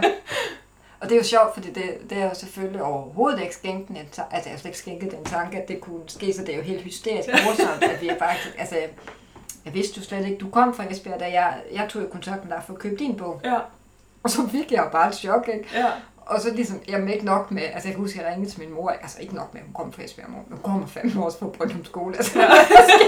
når hun er gået på Brøndum, hvad sker der, hvad sker der? ja. Og det synes min mor var så sjovt, altså, ja. Det, altså, det, og det er det jo også, altså, fordi der, men, men for at komme tilbage til det her med, for jeg synes, det er meget spændende det der med, at man øh, flygter, eller at man Mm. flytter på sig, ikke? Og, og man så også oven i købet flytter til et helt andet land, altså, øh, og der tænkte jeg på, at der er jo også det her specielle ved Norge, at i Norge, så siger man jo det her by og land hånd i hånd, ikke sandt? Mm. Og det betyder jo, at distrikterne øh, helst skal have en samme status som hovedstaden, for eksempel. Det synes jeg måske ikke lige helt lykkes, men det lykkes sprogligt. Mm. Altså med, at alle, alle dialekterne er jo lige gode, eller i hvert fald stort set. Der er jo selvfølgelig, man kårer jo den smukkeste dialekt, altså, så man har jo stadigvæk en eller anden form for rangering. Ja. Men det er i hvert fald tilladt. Ja. Og ikke nok med det, men din dialekt bliver også en markør for, hvor du kommer fra. Og det skal man være stolt af. Mm. Og det, har, det kan jeg huske, at da jeg flyttede til Norge, så synes jeg, at det var sådan spøjst. Fordi der, efterhånden, som jeg boede i Norge, så begyndte jeg på universitetet. Og der møder man jo folk, altså når man går på universitetet i Oslo, så møder man jo selvfølgelig folk fra hele landet. Mm. Mm. Ligesom vel, som hvis man går på universitetet i København eller Odense. Men især i hovedstaden, ikke, så kommer alle steder fra. Og så spørger folk, hvor kommer du fra? Og så siger folk, hvor de er født. Ja. Og det, og det er lige meget, om de så kun har boet der i tre måneder efter de blev født, så er der, de kommer fra. Ja. Øhm, men så det, jeg ville jo, sådan havde jeg det i hvert fald op i mit hoved, at når folk spurgte, hvor kommer du fra, så sagde jeg, hvor jeg boede henne i Norge. Ja. Ikke? Altså jeg tænkte ikke på, at jeg kommer fra Esbjerg. Altså, øhm, men men og, det gør man i Norge. Altså man er meget, meget sådan fokuseret på, hvor kommer du fra i landet. Øhm, Du, jeg kommer fra Ålesund, eller jeg kommer fra... Øh, det fascinerede mig enormt meget, den der øhm, identitetsmarkøren, der ligger i der, hvor du er født, og den dialekt, du så vælger at bruge. Ja, for det er sjovt, det der du siger, den dialekt, man vælger at bruge. Ja. Fordi jeg har øh, øh, blivet kendt med øh, et par forskellige øh, norske familier, hvor forældrene har, altså kommer fra hver sit sted Ja, i ja, Norge, ja. har hver sin dialekt, Ja. og så bor de et tredje sted, og Mm. så har barnet en helt tredje dialekt. Ja. Det synes jeg er så vildt, altså Ja. så fascinerende, at Ja. moren kan være fra Trondheim, faren kan være fra Stavanger, og så bor de i Tromsø, Mm. og så snakker Barnet. barnet Ja. Tromsø-dialekt. Sådan er det hos os. Altså, fordi min eksmand, han taler jo øh, trysil-dialekt, Ja. og så taler jeg dansk, og så taler mine børn jo øh, østfolk. Ja. Men taler ikke udbredt østfolk. Og det var også sådan, at, at øh, særligt min, øh, min datter har, øh, har en eller anden, altså jeg ved ikke hvorfor, altså hvorfor hun lige gjorde det, men altså hun har i hvert fald hæftet sig med nogle danske ord. Mm. Så da hun begyndte, og det synes de var så sjovt, hun begyndte børnehave, fordi så siger man jo øh, barnehage, ikke sant, på norsk. Men hun sagde jo øh, barnehave, mm. så hun brugte det der, så de troede ligesom, at hun var egentlig havde været mest på vestkanten i Oslo, Ja. fordi hun talte, hun sagde heller ikke farige, så farige, Mm. fordi det kom fra mig, ikke? Så hun har ligesom taget den der V'en med sig, Ja. og det havde de, de havde de en fest med, øh, der i børnehaven, at hun gik rundt der, og skal vi gå i haven? Og sådan, ikke? og, øh, øhm, det gør hun ikke mere nu, altså, men det gjorde hun, da hun var lille, og det, det kom jo selvfølgelig fra mig, men det var sjovt, for hun sagde det jo på norsk, og det gjorde jeg ikke, for jeg Mm. talte jo udbredt dansk med dem, da de var små. Ja. Det gør jeg stadigvæk i øvrigt. Men, øh, det, og, så, og der synes de jo, altså det, det jeg ville frem til med det var, at de synes jo, hun var lidt finere. Altså fordi Ja. ja. hun havde den der vestkant, Ja. ja. Oslo vestkant måde at tale på. Så Ja. ja. det var ligesom mere avanceret end den der østfolk-dialekt. Og det jeg så skulle sige, det var, at vi taler jo så også de her forskellige dialekter, men mine børn, de taler så øh, mere og mere bokmål, altså Ja. ja. øh, Oslo. Øh, pæn Oslo, vil jeg sige. Ja. Men Men, men det er jo også øh, ret interessant, hvordan ens identitet, eller hvordan man bliver opfattet, har så meget at gøre med sprog. Ja. Fordi det, har, det er også en ting, jeg har, øh, har bemærket lidt i tråd med det, vi snakkede om med at være fra Esbjerg, at være grov og være en rejekælling og sådan noget. mm. Jeg har egentlig aldrig anset mig selv som værende specielt grov eller vulgær. Nej, nej, det opdager man jo først, når man kommer på udsiden af Esbjerg. Hold da op. Og øhm, særligt øhm, det her med at øh, jeg er måske nærmere vulgær, ikke? Fordi nu, da jeg, det var noget, jeg bemærkede, da jeg udgav min roman. Ja. Øh, jeg har haft øh, både danske og norske læsere. Og stort set alle mine norske læsere har på en eller anden måde påpeget, at de synes, jeg skriver meget om sex. Og det kom fuldstændig bag på mig, hvor jeg sådan tænkte, det gør jeg sgu da ikke. Og der er ingen danske læsere, der har påpeget det.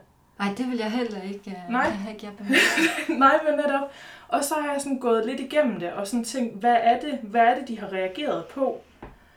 Øhm, og så kan jeg faktisk godt se det, når jeg sådan tænker tilbage på episoder og sådan, at den måde, som er naturlig for mig at tale om for eksempel sex, øh, det bliver for mange nordmænd opfattet, som om jeg er alt for direkte. Ja, ja, ja, men det er sådan, kan du ikke tale om det. Nej, nej, netop. Og det, igen, det er virkelig kommet bag på mig, fordi så, så føler jeg mig sådan...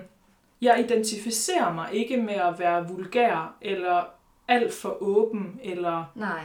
Men, Det har jeg slet men, ikke tænkt men, på. men den, den sådan identitet har jeg lidt fået på norsk, og det, det, det finder jeg... Altså, det, det, jeg føler mig ikke tilpas i det. Det er sjovt, det, er, at jeg, jeg, jeg, det har jeg ikke lagt mærke til, men nu du siger det, så kan jeg godt, jeg kan godt forstå, hvad du siger. Mm. At det garanteret er for direkte, men det er det jo slet ikke. Nej, nej, men fordi der har faktisk der har lige været en sag om det øh, på NRK. Øh, Ja, den læste jeg. ja. Og Og hvor jeg hvordan skal man skrive om sex? Ja, Ja. og jeg tænkte, den artikel ville aldrig nogensinde være blevet skrevet i Danmark. Nej, det ved jeg ikke, altså, men, men jeg synes jo, må jeg sige øh, selv, altså som et skrivende menneske, at jeg synes jo, sex er vanvittigt vanskeligt at, at skrive Ja, øh, om. Øh, og jeg har tænkt meget på, og nok også i forbindelse med at læse den artikel, du snakker om på Mm. NRK, hvorfor er det så vanskeligt at sætte ord på sex? ja, Altså, hvor, hvorfor er det vanskeligt at, at finde et rigtigt sprog for det, uden at det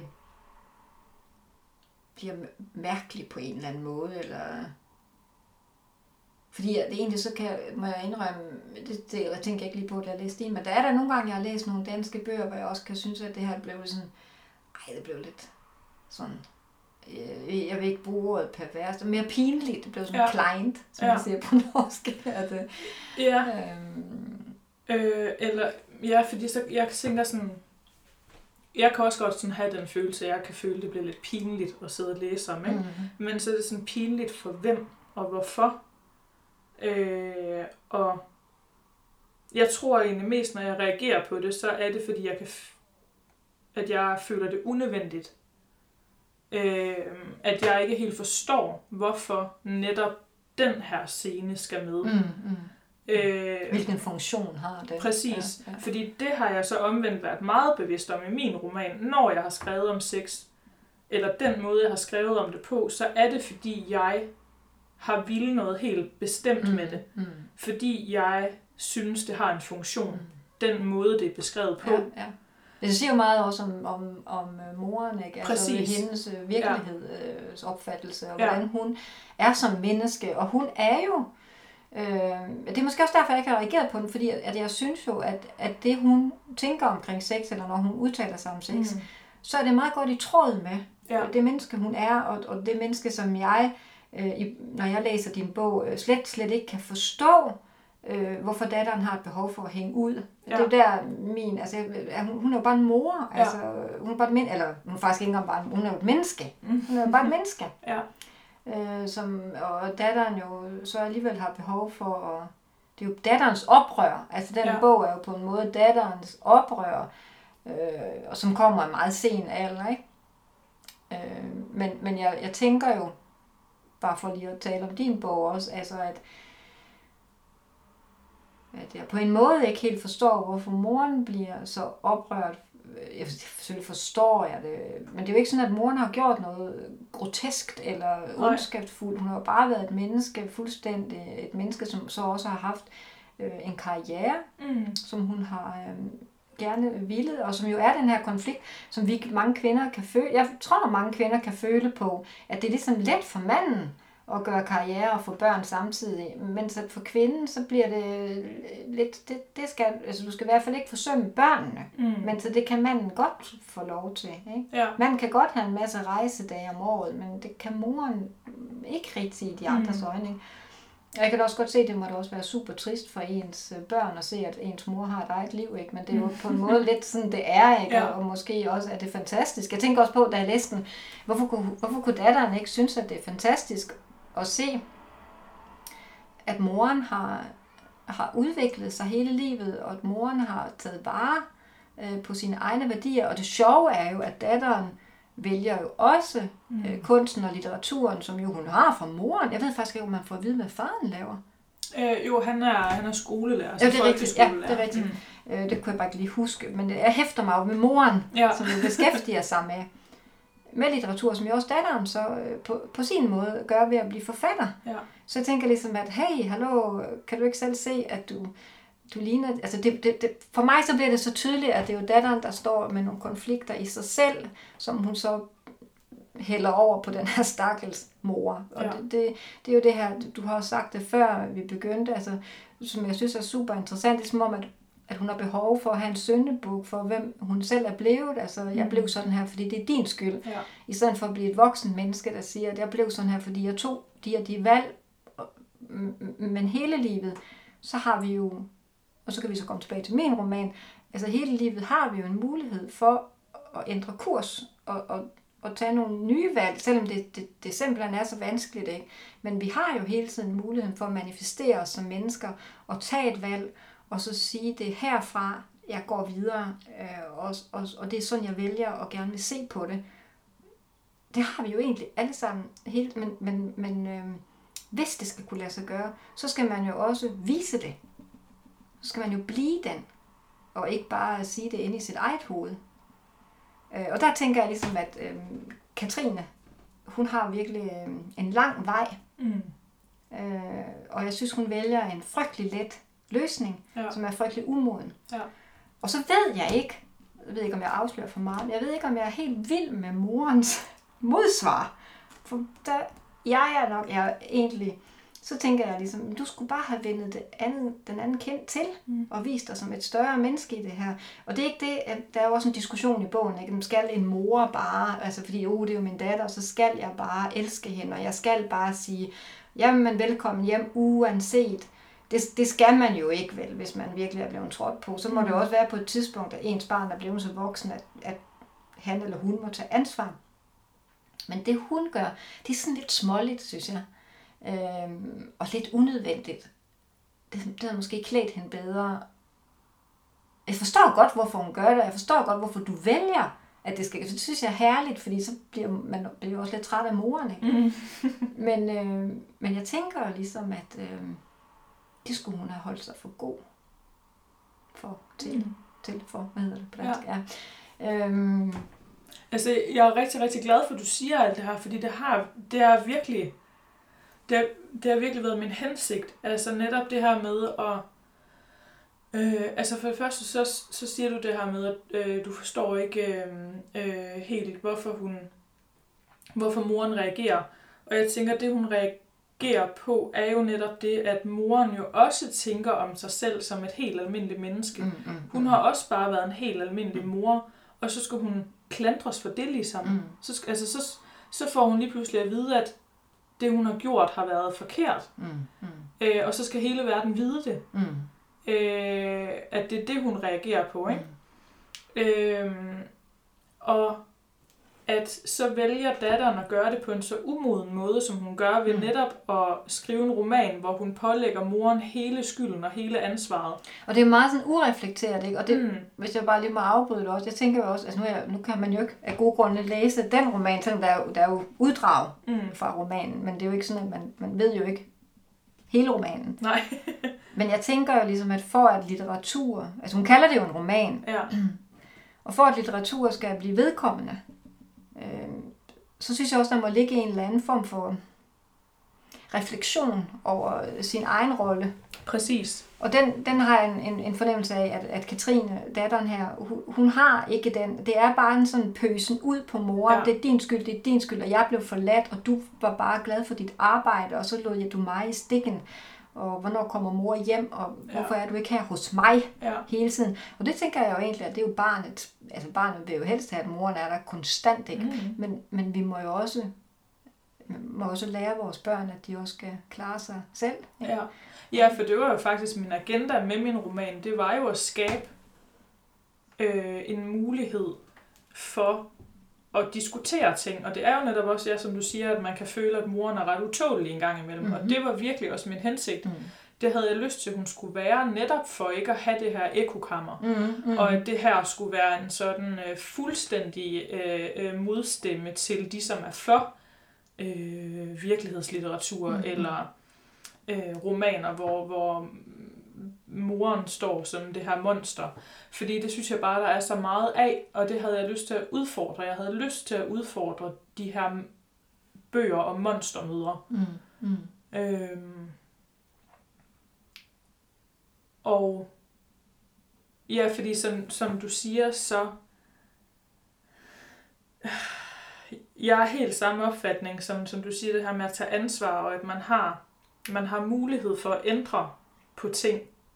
Øh, og det er helt i dine egne hænder, Mm. uanset hvad du kommer fra.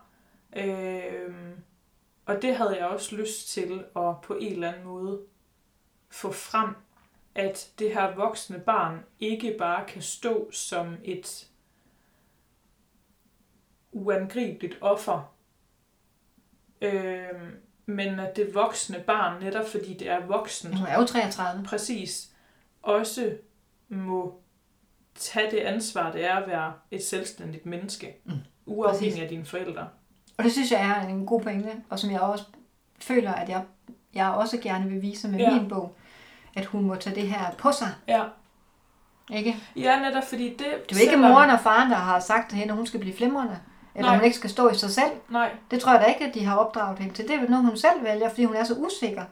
netop. Og fordi jeg tror også, det var derfor, jeg sådan, mm, egentlig sådan umiddelbart følte lidt modstand til din roman mm, Mm, til at begynde med. Fordi mm. jeg troede, det skulle være sådan en fortælling. Ja, ja. Mm. Hvor Maj, hun skulle fortælle om alt, hvad der var galt med, med, med Esbjerg, Mm, alt, hvad der var mm, galt ja. med hendes forældre. Men det gør hun jo faktisk ikke. Nej, det var ikke Jeg- min, min ønske Nej, altså jeg føler faktisk, hun er et utroligt selvstændigt menneske, mm.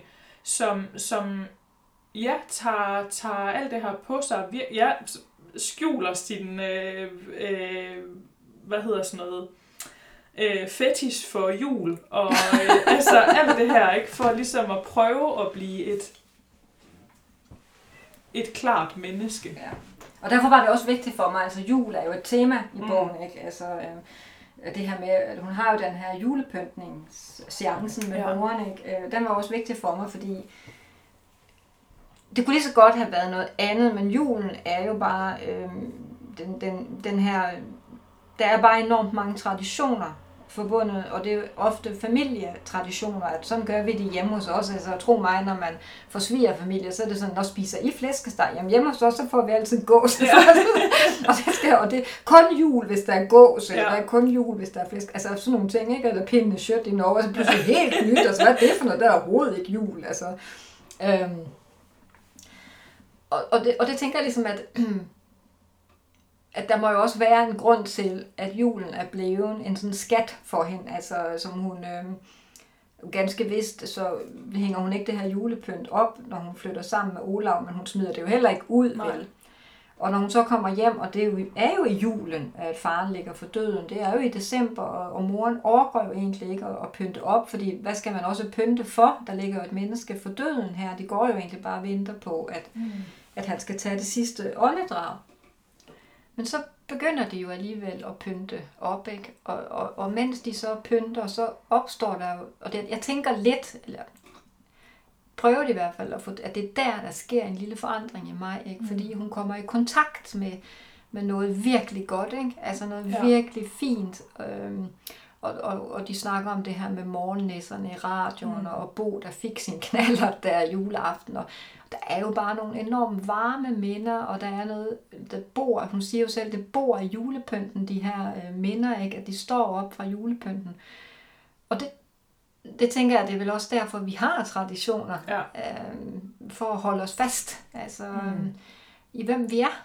Ja. Og når du så giver kald på det, og du også giver afkald på dit sprog, og, og, og måske i virkeligheden også lidt, øh, altså, øh, jeg synes, det er så ærgerligt at sige det her, fordi jeg bryder mig ikke om at sige det, men det er jo bare, når du lige pludselig har taget en, en, en meget høj uddannelse, eller, jeg ved ikke, om den behøver at være høj, men altså, jeg tror, der er noget med det der, når du tager en meget sådan lang uddannelse, og, og, og jeg tror, at jeg tror måske, at de humanistiske fag, det er jo sådan lidt dannelsesfag, ikke? Mm. Og specielt litteraturvidenskab og nordisk og sådan nogle ting, hvor du, du får ligesom sådan en filosofi og sådan noget. Ja. Du får de der, altså, dannelses... Øhm, det er sådan en dannelsesrejse også, ikke? Mere næsten følte jeg, at det var en dannelsesproces, end det var et fag, jeg læste. Ja. Jeg følte, jeg blev, blev virkelig et dannet minde, altså, og det føler jeg bare overhovedet ikke, jeg er, fordi inderst inde, så føler jeg mig bare også som den der rejekælling. Jeg synes, ja. det er så et godt ord. Jeg har altid kaldt mig bare sådan Linda for tanken, ikke? Eller Linda for bank, eller hvad hedder det, havnen.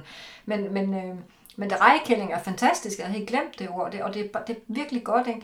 Så på den måde, så er jeg jo ligesom ikke rigtig blevet dannet, men jeg har alligevel inde i mig, Mm. så har jeg øh, et helt univers, som jeg kan spille på på en eller anden måde, og som jeg kan, når jeg ser noget eller hører noget, hvis jeg går på en kunstudstilling eller et eller andet, så har jeg bare en masse ting, jeg, jeg ved rundt det. Jeg kan ligesom jeg ved hele baggrunden, og hvorfor opstår det, og hvorfor, ja. hvor, hvorfor maler han på den måde, eller hun på den måde, og hvorfor sådan og sådan, og Mm. hvorfor skrives det her, hvad, hvad, hvad, hvad står det på skuldrene af, og, og den har man jo ikke også. Ja.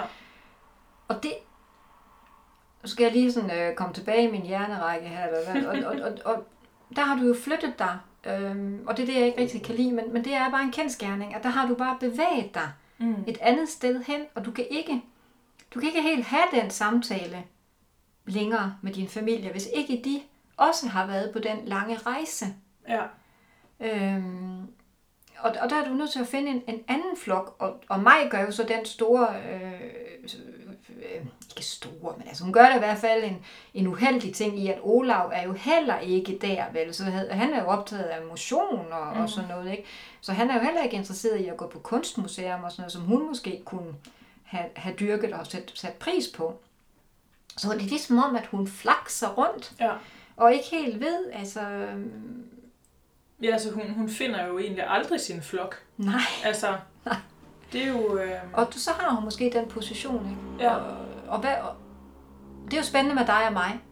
For så tænker jeg, hvad skal vi gøre ved den position? mm, Hvad, hvad er det, vi to skal... Hvad skal vi bruge? Den lidt underlige... Der var, der var en, en, der læste min bog, og nu, nu har jeg glemt, hvad det var, hun sagde.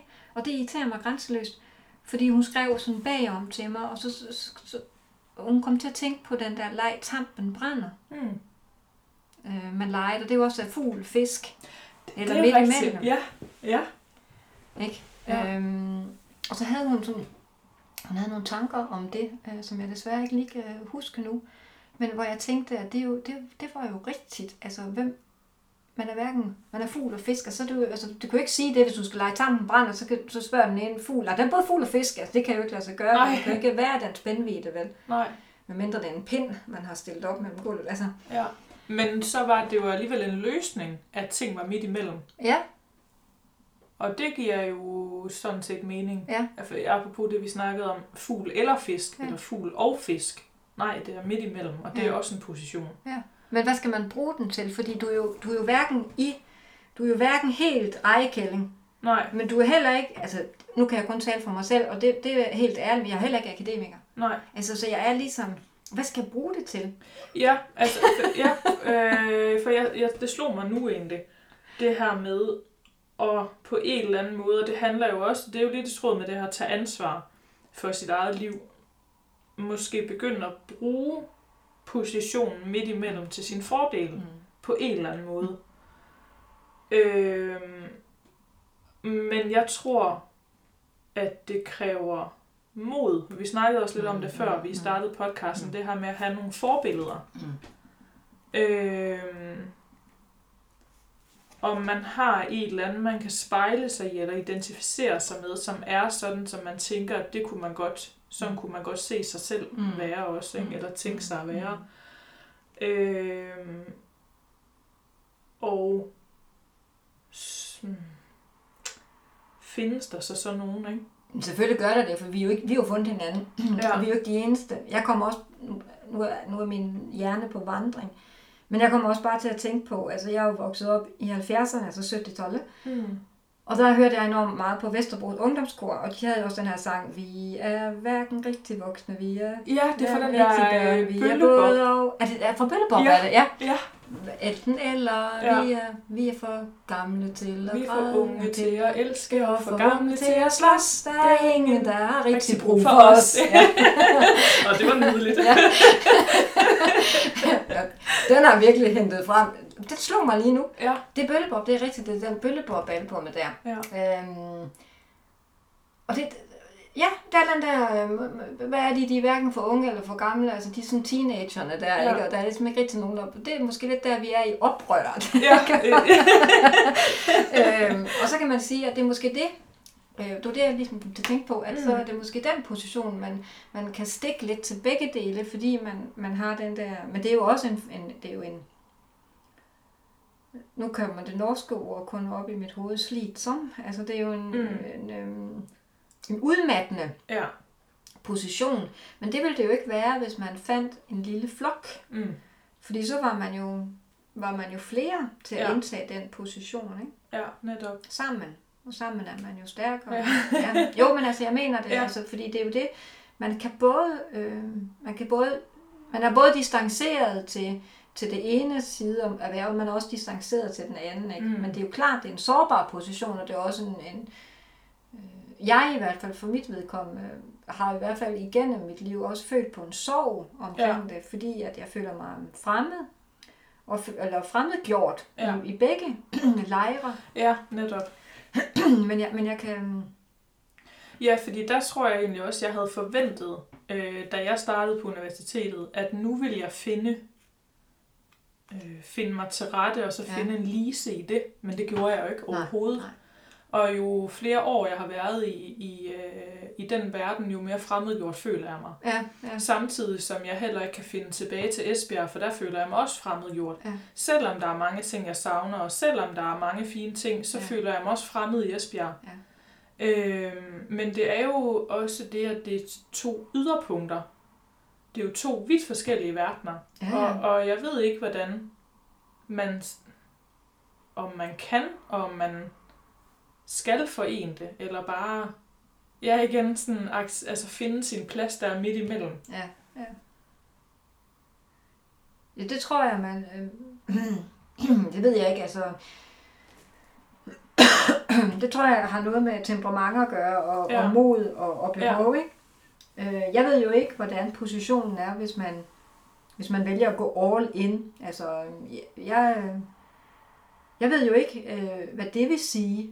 Øh, jeg kunne jo også godt øh, have valgt øh, anderledes i mit Mm. liv. Ikke? Altså, jeg kunne jo have valgt om...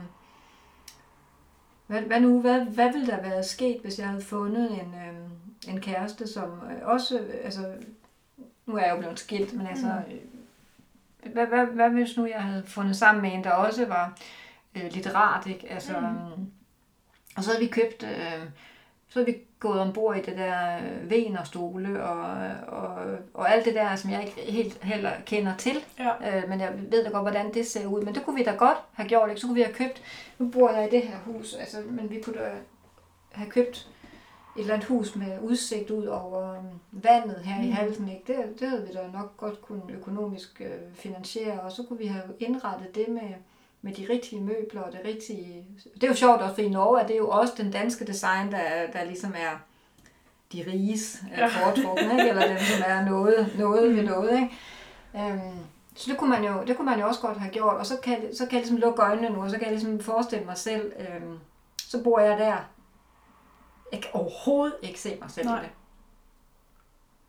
Nej, fordi omvendt, så bliver man jo også ofte, har jeg i hvert fald oplevet, mødt med en eller anden fascination her i Norge, når man siger, at man er fra Danmark. Mm. Altså sådan, nej, nej! Ja. Er Og så- København? Ja, netop. Så nævner de enten noget med cykler, eller ja, som du siger, noget med designmøbler. Ja. Og det identificerer jeg mig bare overhovedet heller ikke Nej. med.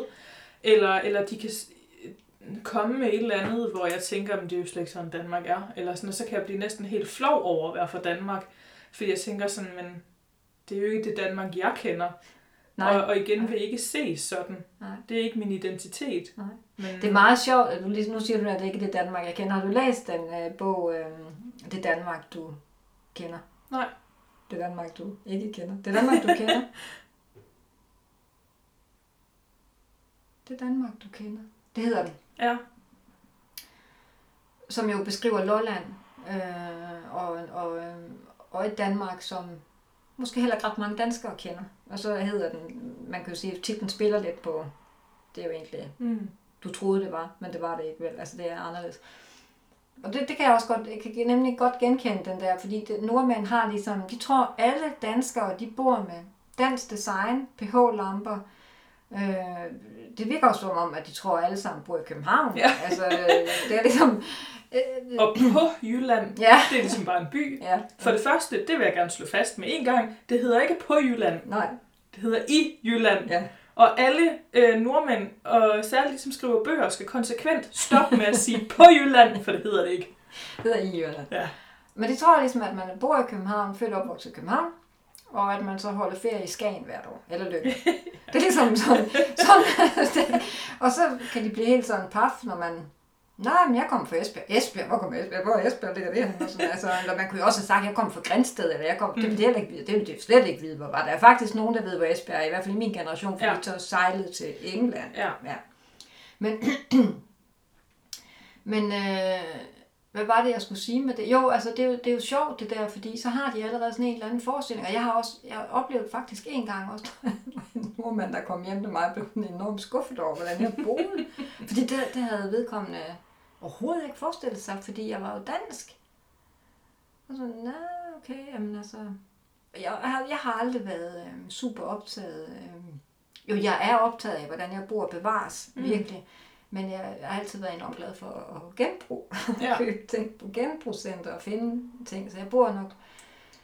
Jeg, synes jo, jeg bor fint nok. Altså, det er slet ikke det, vel. Men altså, øhm, jeg bor jo ikke med, med de der markørerne Nej. Nej. igen. Altså, når vi taler om markører. Fordi det kan jeg ikke identificere mig med, så det bliver jo ikke mig. Så der bor jeg med noget, jeg føler er mig. Og, og, og, og der er jo, altså det bord, vi sidder ved nu, det er jo næsten, ej ikke identisk, men det er meget identisk med det spisebord, øh, som stod hjemme i min mor og fars stue, mm. da Mm. jeg voksede op. Det var sådan et, de nok havde fået omkring, da de blev gift, ikke? Altså sådan et øh, 10-træs spisemøblement, ikke? Og det har jeg købt bevidst, fordi det minder mig om barndommen. Mm. Og vi Mm. har to stykker. Vi har en her, og så har vi en lidt anden type nede i, i køkkenet nedenunder. Og jeg elsker teaktræ.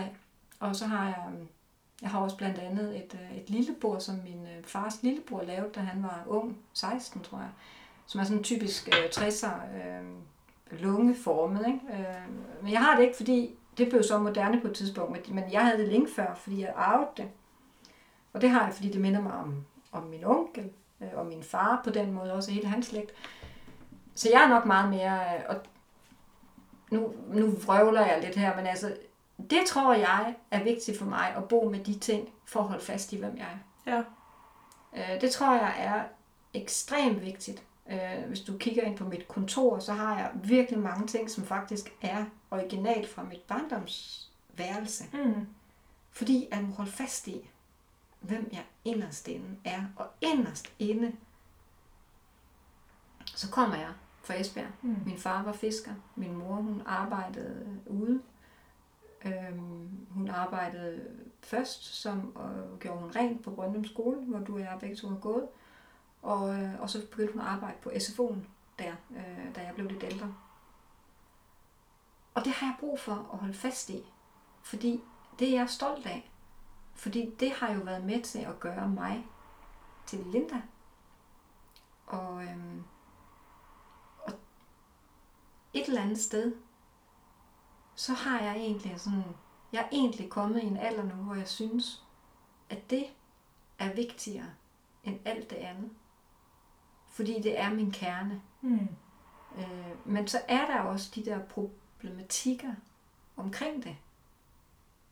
Og det må jeg prøve at løse. Øh, og det har jeg så resten af livet til at prøve ja. at løse. Og det er måske det, og det er bare noget, der kommer til mig nu, som gør, at jeg har lyst til at skrive en sådan rigtig Esbjerg-roman. Øh, fordi da jeg skrev Fugl og Fisk, så følte jeg, at jeg gik ind i sådan en, en varm hule, øh, som var fyldt af en hel masse kærlighed. Øh, og jeg, jeg kunne godt lide at skabe de personer, jeg, jeg skabte. Og den, jeg synes måske, jeg havde mindst øh, sympati med, var nok mig. Ja. Øh, jeg, synes, hun, øh, jeg synes, de andre de stod så flot i sig selv og var sig selv. Ikke? Mm. Susanne, hun prøver jo at holde sammen på hele familien. Ikke? Altså, hun kæmper jo en kamp. Ikke?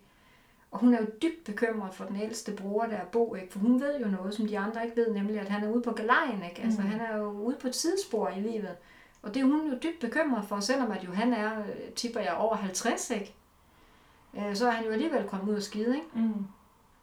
Og så har vi Annette, som jo øh, følger Susanne blindt, og som har den her grillbar, som hun stræber med, ikke? Og, og som er, er vanskelig, og, og så er hun glad for sin store søster Susanne, og, men hun lever også lidt i skyggen af Susanne, og det er jo den, der foretager den største udvikling, det er viser sig jo at blive Annette. Ikke? Mm. Hun er jo den, der virkelig udvikler sig, Ja. og også Bo.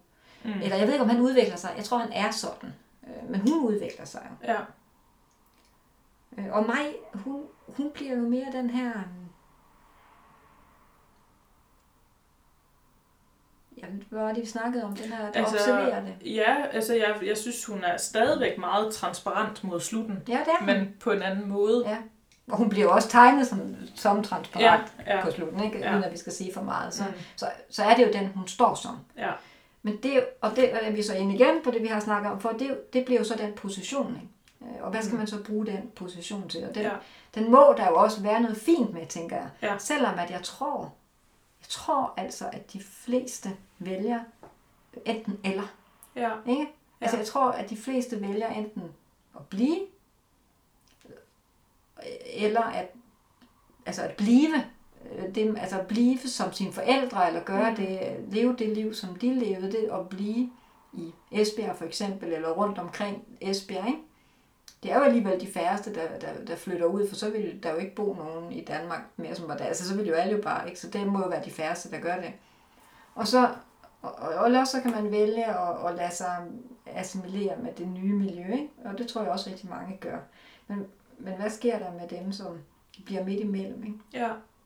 Jeg tror altså at ofte, der er nogle tal på det der, og det er, altså det der med at foretage en klasserejse, det er vist ikke så stor en procentdel af befolkningen, selvom vi tror det, så er det, jeg kan ikke huske, jeg har læst en eller anden gang, at det er en, det er en lille procentdel. Ja, eller at det i hvert fald er en sådan midlertidig position. Ja. At der er mange, der flytter ud, Mm. men så flytter de, mange flytter tilbage til Ja. barndomsbyen, Ja. eller til familien, og til det miljø, man er vokset op i. Og det- er jo en klassisk også øh, ud, nej hjem, Ja. hjem, ikke? og det er lykkepære, ikke? Ja, netop. Og dengang jeg var yngre, så irriterede jeg mig over lykkepære, Ja. at han flyttede hjem igen. Jeg synes Ja. simpelthen bare, og jeg synes han var så irriterende, Ja. for han fik ikke til noget. Altså han havde en masse planer, og han var også god til at få et netværk og sådan Mm. noget, men det lykkedes, altså alt bare smuldrede mellem hænderne på ham, og så og så det sidste, så vælger han kunne døde mig at flytte hjem. Altså, Ja. så bliver han lykkelig. Altså, jeg var, jeg var så irriteret på ham. Ja, jamen det er faktisk også noget, der for nylig er gået op for mig. Jeg har altid, øh, jeg vil næsten sige, øh, set lidt ned på de af mine klassekammerater fra folkeskolen, som er blevet i Tarp og Brøndum, mm. som aldrig har forladt byen, Mm. og som bare har etableret sig der og blevet en kopi af Brøndum og Tarp. Men altså, jeg har sådan tænkt, de har manglet mod til at flytte ud og se noget andet. De har manglet nysgerrighed, og jeg sidder sådan og tænker, hvor, altså, hvordan, hvordan kan man leve med bare, bare nøjes med det? Ja. Men så er det gået op for mig her i det sidste, at det må fandme også kræve meget mod at blive i det samme hele dit liv. Altså det her med at faktisk at stå i det, øh, uanset hvad du, der så bliver budt dig i Tarp og Brøndum, Mm. men bare have en tro på, at det er her, du skal være, det må virkelig kræve mod. Jeg tænker nok anderledes. Mm. Øhm, for jeg har altid øh, beundret dem. Ja, ja men netop, altså nu, nu er det virkelig en sådan mere en beundring, jeg, jeg er blevet øh, ramt af øh, til dels. Jeg vil bare, bare sådan uddybe det lige, for jeg, jeg beundrer dem, eller jeg tror også, jeg har misundt dem lidt, fordi Ja, jeg, tænker, ja. jeg tænker faktisk, at, øh, at de må være så hele mennesker. Ja. Netop. Nu spiser du lige en tryk- røvfuld der. Det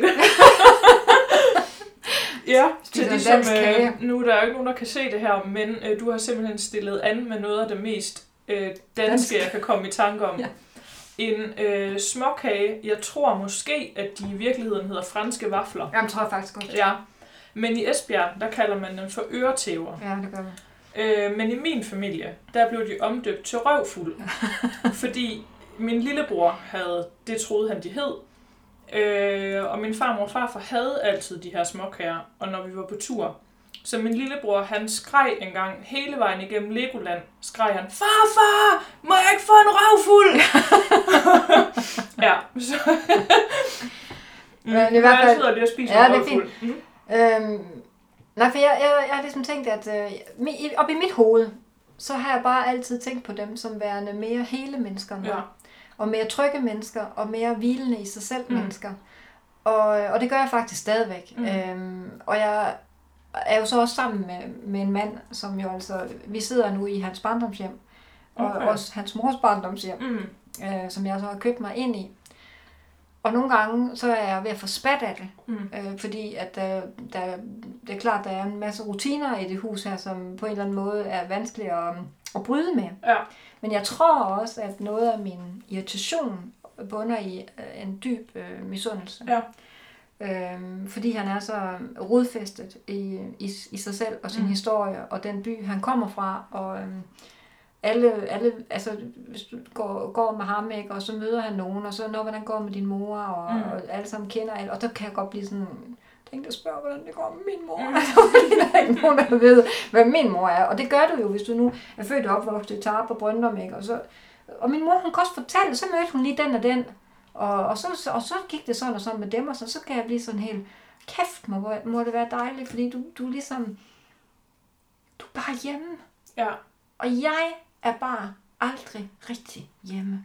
Og nu har jeg gjort den idiotiske ting, kan man så sige, at ja, det er jo ikke, fordi det er også genialt, ikke også? Men altså, først så flyttede jeg til Oslo. Så Mm. boede jeg mange, mange år i Oslo. Så flyttede vi til Fredrikstad, hvor jeg så fik mine børn, og så boede jeg der i rigtig mange år, var skilt og boede alene i et hus, som jeg, hvor jeg faktisk begyndte at efterhånden så bygger man jo også et netværk med naboerne, hej hej, og hilser og kender hinanden lidt sådan, i hvert fald på hils og sådan noget, ikke? Og så ligesom det er etableret, at jeg måske kunne begynde at tænke, at nu er jeg hjemme. Nej, men så flytter jeg til en ny by og starter forfra. Der kan jeg ikke lade være med at tænke, hvad er det med mig? Ja. Altså, er, er det fordi, jeg har en sådan, øh, øh, hvad hedder det, en sådan, øh, øh, har jeg bare behov for altid at skulle stå på, øh, stå udenfor? Ja. Altså, er jeg ligesom, vil jeg bare have den der outsider-position? Er det egentlig, at i virkeligheden, skal Mm. jeg lige stoppe og holde kæft nu, og så ligesom bare tænke, sige højt, men jeg kan godt lide at være outsider. Ja, ja fordi øh, det slog mig egentlig også her i sommer, da jeg var, øh, da jeg var på ferie hjemme i Danmark. Og ligesom mig møder en gammel klasseveninde mm. mm. i brusen. Det gjorde jeg også Nå, øh, i sommer. Og det ej, var... så ulækkert. Ja, men virkelig. Altså, det var så ubehagelig en oplevelse. Fordi det var netop, jeg blev mødt på helt samme måde. Nå, hva- hvad laver du så? Bor du stadigvæk i Norge? Har du fået mand? Øh, har du fået børn? Bla, bla, bla. Og jeg blev sådan helt, det her, det kan jeg, jeg kan ikke være i det. Mm. Men så, så har det slået mig i efterkant, når jeg sådan har tænkt over, hvad det er, jeg er så bange for. Det er netop den følelse af, at jeg føler mig udenfor.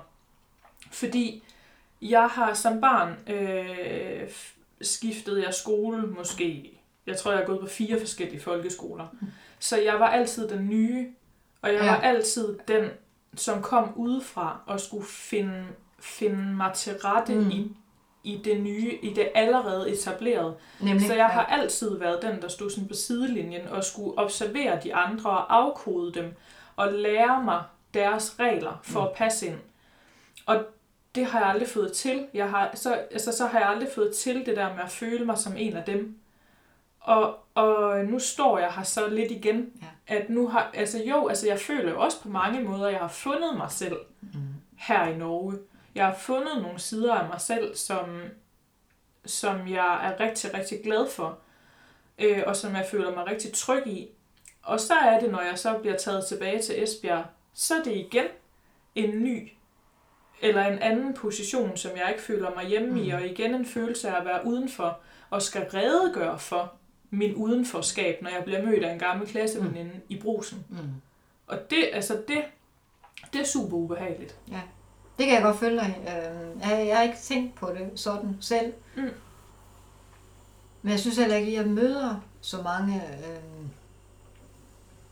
gamle bekendte egentlig. Nej. Øh, men nu bor min mor og far jo, eller min far er jo så død, øh, men min mor, hun bor ikke i Tarpmere jo. Nej. Så hun bor jo også et sted, hvor jeg, altså jeg kender ikke nogen der, Mm.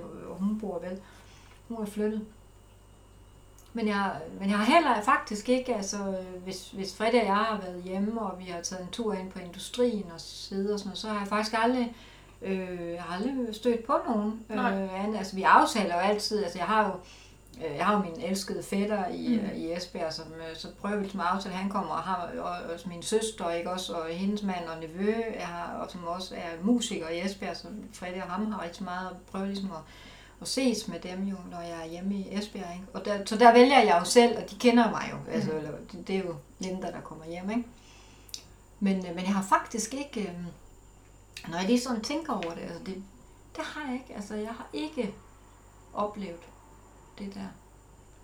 Øh, Så det er noget, jeg sådan helt har fundet på. Altså, Ja. ja. Så det er meget sjovt, at jeg ligesom rammer det plet. Så.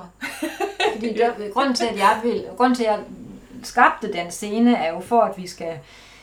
Der ligger der jo også en tvivl. Det er jo også igen Ja. ja. sådan, at du har holdt os for nar, ikke? Fordi Ja. ja. der, der vil jeg godt have, at der skulle komme en lille tvivl ind omkring Majs øh, fremstilling af, af det der hent Ja. øh, med hende, ikke? Altså, Ja. ja. uden at vi skal afsløre for meget, ikke? At der måtte, måtte godt ligge en lille tvivl. Øh, men det ubehagelige i den tvivl, i den scene, er jo, at, at, at det har jo forekommet, men den, og det ubehagelige er jo det der med, at, at andre kan have sin version af Ja. virkeligheden, som man ikke har styr på. Og jeg tænker jo, at det er det her, der har gjort, at mig er flyttet så langt væk, Ja, øh, for at komme væk fra sådan en eller anden form for misforståethed eller rygte bag. Ja. Men, øh, men, jeg, men jeg har ikke... Øh, men jeg var, jeg var nede, ja, det ved jeg ikke, om du var også der til stede, men det er jo også efterhånden rigtig mange år siden, hvor der var, Brøndum Skole havde så et jubilæum, mm. hvor, man, hvor det blev inviteret øh, til at komme ned. Det var simpelthen så sjovt, altså Ja. at møde alle dem, man har... Jeg husker jo kun dem, som ligesom lige gik under mig og Mm. mm. sammentrin og så over, ikke? Altså alle de andre var bare, vi sad ligesom inde i hallen, Mm. og så var der dækket op, ikke? Og så var der nogle af lærerne, øh, som stadigvæk var der, som også var der, men der var mange, som ikke var der, ikke? Det synes jeg var utrolig sjovt. Altså det var Ja. virkelig en sjov aften, hvor, Ja. hvor jeg virkelig, øh, hvor jeg også mærkede den der, øh, at det er jo det, jeg kommer fra, Ja. det her, ikke? Ja, det, det her, det er det, jeg kommer fra. Ja. Mm, altså, det du beskriver her, det er sådan for mig næsten min største frygt. Altså, altså det, fordi for mig så er sådan noget, og for jeg blev også jeg blev inviteret til noget, sådan noget jubilæum på min efterskole, sådan 10 års jubilæum. Ja, det har været, det har været noget 100, og jeg kan ikke huske 50, ej, jeg kan ikke huske, hvad det var. Det var mange, Øh, mange generationer. Og med det samme, jeg fik den invitation, så tænkte jeg, det, altså jeg tænkte bare, det kan jeg ikke, det skal jeg ikke. Altså fordi for mig, så bliver det mere en sådan, øh, kom og fortæl, hvad du er blevet til. Og, Men er du øh, ikke stolt af det, du er blevet til? Mm, jamen, jeg ved jo ikke, hvad der er, jeg er blevet til. Nej, jeg tror, det. er, sådan, det er det, der er mit problem. Jeg, vil ikke, jeg, jeg aner aldrig, hvad jeg skal svare. Og, og øh, igen det der med, hvad man identificerer sig med. Jo, det er det. Øh, fordi, fordi det er det, at jeg identificerer mig ikke... Jeg tror, jeg havde en forventning om, at så skulle jeg føle det sådan... Altså, det vi snakker om i starten. Ja. Føle 100%, at nu hører jeg til på universitetet. Jo, eller ja, ja. føle 100%, at nu hører man til i Esbjerg. Så det er den der mellemposition, jeg ikke har accepteret endnu. Mm. Også, mm, det er jo egentlig sådan lidt det, vi sidder og diskuterer. Nu skal man acceptere den ja. Ja. mellemposition, og hvordan? men det kan jeg godt, altså, fordi det er bare, altså, jeg kan jo heller ikke identificere mig med, at jeg er forfatter. Mm. Altså, jeg synes stadigvæk, øh, Ja, at bruge det ord, tage det ord i min mund, det, det, det er simpelthen for... Øh, ja, men jeg mærker, hver gang jeg siger det, så lærer jeg. Så Jeg- jeg, jeg er forfatter. ja. det, det, det er for mig, at ligesom skulle ind og sige, Nå, men jeg er kongelig. Altså, Ikke, det, man, altså det, det ligger ligesom for mig, at og det har måske også noget med litteraturvidenskab at gøre. Det Ja. er sådan en, en forgyldt position, og det, Ja. det kan ikke være mig. Nej. Så det bliver bare helt bøvet et Ja. eller andet sted at sige det. Så det øver jeg mig på, altså at jeg skal, nu skal jeg jo ned til, skal jeg afsløre, jeg skal ned til bogforum, ikke? Og det var Ja. også sådan, hæ? Men hvorfor det? Altså hvorfor? Nå, altså, det, det, jeg har, altså der har det, altså det jeg kan godt genkende det, Mm. Pernille. Jeg har den der med, at øh, det er ikke rigtig mig. Altså jeg kan også jeg kan betro dig noget, som jeg også havde i mange. Og det kan jeg også læse, at folk, der har foretaget en klasserejse, er noget, folk kan genkende. Det er ligesom den der angsten for altid at blive afsløret. Præcis. Og jeg, jeg havde altså, jeg, jeg fik min øh, magistergrad i 2005. Og i sådan rigtig mange år, altså vi taler rigtig mange år, Mm. Så havde jeg så et tilbagevendende mareridt. Jeg ved ikke, om jeg vil kalde det et mareridt, men en drøm i hvert fald. Og det var, men det var jo ikke positivt, vel? Men det var heller ikke sådan rigtig mareridtagtigt. Det var mere sådan, nå, nu sker det. Mm. Og det var, at jeg blev kontaktet af Odense Universitet med den meddelelse, at der var sket en, øh, en fejl. Sådan at jeg- var, og havde overhovedet ikke bestået. Øh, det var egentlig en anden, der havde det, så de havde kommet til at sende diplomet til den forkerte og skrev det forkerte navn ind, så jeg var egentlig ingenting. Det havde, altså jeg havde det så ofte, det Ja. scenarie, hvor jeg vågnede op, og hvor jeg tænkte, og, og, og det var derfor, jeg vil sige, at det ikke var en mareridt. På en måde, så var det sådan lidt en lettelse Ja. når jeg vågnede op efter den drøm, så havde jeg lige sådan et øjeblik en lettelse, at nu, nå, jamen det er også godt, jeg behøver ikke at tage den på mig. Ja. at Nu jeg har, nu mere. nu kan jeg bare begynde at arbejde Ja. med noget helt, altså nu kan jeg Ja. bare, ikke, altså, jeg ved ikke rigtig, hvad det, det er mærkeligt, ikke? Ja, jamen, og det er, det er lidt sjovt, du siger det, fordi øh, da jeg startede på litteraturvidenskab, der havde jeg et meget tydeligt, øh, en lille sådan film for mit indre, øh, hvor jeg så mig selv øh, den dag, jeg blev færdig øh, med min master. Mm, Og at, at jeg stod og tog imod det her Mm. bevis, Mm. og øh, noget med noget champagne og fejring og så Mm. videre, ikke? Og det var sådan, det her den film, der, der øh, drev mig de første Mm. to-tre år. Mm. Og så i går, så modtog jeg faktisk med posten, modtog jeg mit diplom. Ja, ja. Fordi der var, øh, på grund af corona, så var der ikke øh, vanlige fejringer og sådan noget der. Så. Og jeg vidste, at det var det, der kom med posten. Og jeg har, jeg har ikke åbnet det nu. Jeg, det, altså med det samme, jeg fik det i hånden, så, og, og, men, og det var faktisk også lidt sjovt, jeg stod på posthuset og tog imod den, og så siger ham, der gav mig det, det er et diplom. Og så Ja, for det blev sendt rekommanderet. Ja, og så var jeg sådan helt, øh, ja, eller jeg følte, jeg blev sådan helt ja, flov, Ja. og blev lidt sådan sur også, og det skal du da ikke blande dig i. Ja. og så stak jeg den ned i tasken, og så da jeg kom hjem, så har, nu har jeg lagt den direkte ind i et skab, uden at åbne den, eller gøre noget som helst, men jeg kan slet ikke forholde mig til den. Nej, nej, nej. Det, øh, det er også sådan, sådan det, ja, det ved jeg ikke lige sådan helt, hvordan jeg skal... I, igen det der med at ikke identificere mig med, med det her overhovedet, samtidig som jeg mærker en stor motivation og en stor lyst, når jeg er i det. Altså selve det, alt det, det indeholder, Mm. det bliver jeg motiveret af, og jeg elsker Mm. det, og jeg kan mærke, at det er det rigtige, men det at omtale mig selv som, Mm. og lade det, lade det udad til være min identitet, det, det, har, det kan jeg ikke... Øh... Der er der en diskrepans. Ja, ja, virkelig. Og det tror jeg, fordi vi ikke har, altså, for det, det, jeg kan så genkende det. Altså, hvis du spørger mig nu, hvor er dit diplom hen, så vil jeg ikke engang kunne sige det lige nu. Altså, jeg ved faktisk ikke helt præcis, hvor det ligger. Hvis huset her skulle begynde at brænde, så vil jeg helt sikkert ikke få det med ud, for jeg ved ikke, hvor det er henne, vel. Det er jo også helt nu, hvor jeg bliver helt stresset, når jeg kommer til at tænke på det, ikke? Altså, men øh, det ved jeg faktisk ikke. Altså, men, men det jeg skulle sige, det var, at der, der, er ligesom, lidt den der, det tror jeg, fordi at hvis du nu er født og opvokset med, med forældre, som også har taget en høj uddannelse, så tror jeg også, der foregår nogle andre samtaler hjemme ved middagsbordet, og der er nogle andre selvfølgelig, for det kan jeg da mærke med mine egne børn. Min eksmand er jo også akademiker, ikke? Og der, der er en selvfølgelighed med noget med dem, ikke? Og også bare den der, altså det har jeg da også tænkt meget på, at hold kæft mand, de har fået meget hjælp. Altså øh, på den ene eller den anden måde. Ikke? Det, det, det er virkelig sådan, altså, er der et eller andet, så spørger, altså min eksmand, han var matematiker, ikke? så han kunne hjælpe dem på det punkt, og så var jeg, altså underviste jo mm. på gymnasiet i norsk, ikke? så det kunne jeg jo så hjælpe dem med, ikke? Og det er, jo, det er jo en enorm øh, hjælp at få, og der ligger også en enorm selvfølgelighed, og vi har et hjem med, med kolossalt mange bøger, og mm. instrumenter har vi her også, altså musik og, det, og sådan noget, ikke? Øh, folk, spændende folk, der vandrer ind og ud, som mm. mine børn bare tager helt naturligt, og så kommer Åse Klæveland lige her hjem, mm. og sådan noget. Altså det er ligesom bare, sådan er det bare, ja. ikke? Øhm, og, og det kan jeg også huske, da jeg begyndte på universitetet, at, at der kunne jeg godt fornemme, at der var nogen, som kom fra de der hjem, de havde et helt andet sprog og en helt anden, de, de bevægede sig med en helt anden selvfølgelighed. Og de skulle heller ikke låne bøgerne på bibliotek, eller ud og købe dem, fordi de stod jo hjemme ja. i forældrenes bibliotek. Ja. Og det er jo klart, at der har man jo, der indtager man jo det meget lettere, og det er jo nok derfor, at vi måske har en, en tendens til lettere at identificere os med rejekællingen. Mm end med akademikeren, fordi det trods alt er noget, vi har været i ja. på, en, på en anden måde. Ikke? Altså det er et sprog, vi kender på en helt anden måde. Mm. Og det er jo der, udfordringen kommer.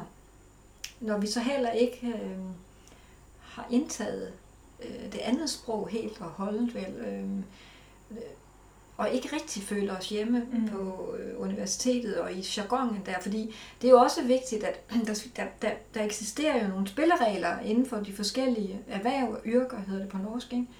som vi jo altså ikke har lært, vel? For vi har jo rejekællingens, øh, vi er jo opdraget af hende. Altså jeg har jo mm. også arbejdet i køkkenet på en kro, ikke? Og, og jeg arbejdede på Vestfrost med at, at samle... Øh, fryser, ikke? Også, det var derfor Bo arbejde på det kender jeg til det der, ikke? Altså, der jeg arbejder, jeg har arbejdet helt vildt meget i en grillbar, altså jeg arbejder ja. rigtig mange år i en grillbar, ikke? Ja. Øhm, jeg kender den der jargon med lastbilchaufførerne, der kommer ind og skal have en øh, frankfurter, eller en, hvad de nu skal have. Ikke? Ja, en altså, halv kentucky mod ja, yes. altså, det, ja. Jeg kender det. Ja. Øh, og jeg kender det bedre end det andet, for i det andet føler jeg mig altid fremmed og forkert. Mm og udenfor og klodse.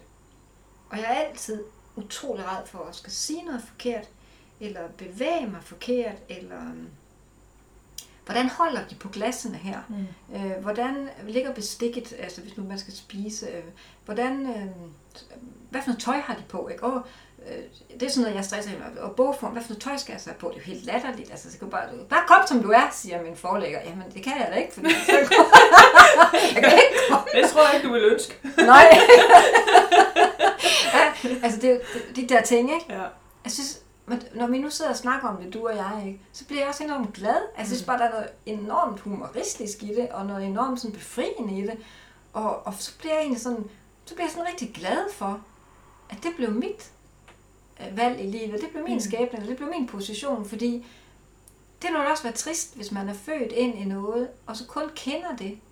Ja. Og man slet ikke kender det andet Danmark, altså det Danmark, du kender, ikke? Mm. Det, det er da også bare super trist. Og så tænker jeg sådan, øj, hvor er vi også meget heldige, og så er vi flyttet til Norge, og vi, på grund af, at vi bor heroppe, så har vi fået nogle andre indsigter, som man ja. ikke kan få, når man bor i Danmark, og vi har måske lidt andet syn på dialektbrug, for eksempel. Jeg bliver enormt lykkelig, altså jeg har jo jeg har jo nogle fædre fra Stavsø, mm. øh, og de taler bare sådan rigtig bredt vestjysk, og når de taler, så bliver jeg helt forelsket. Altså, jeg bliver ja. simpelthen så glad. Altså, det er bare så fantastisk. Og Fredrik, han kan overhovedet ikke forstå, hvad de siger. Nej, fordi de sådan har jeg det med trøndersk. Jeg bliver så varm ind i, ja. når jeg hører trøndersk. Ja. Oh, ja. Så vi har jo også, vi har også, vi har, vi har en helt palet. Ja. Og det tænker jeg, vi skal være rigtig glade for. Ikke? Ja. Jeg sidder og tænker, at jeg tror, at til konklusionen her skal være, at det er noget med at omfavne øh, ting. Altså omfavne det, man det vi så har været så heldige at opleve, ikke? fordi jo.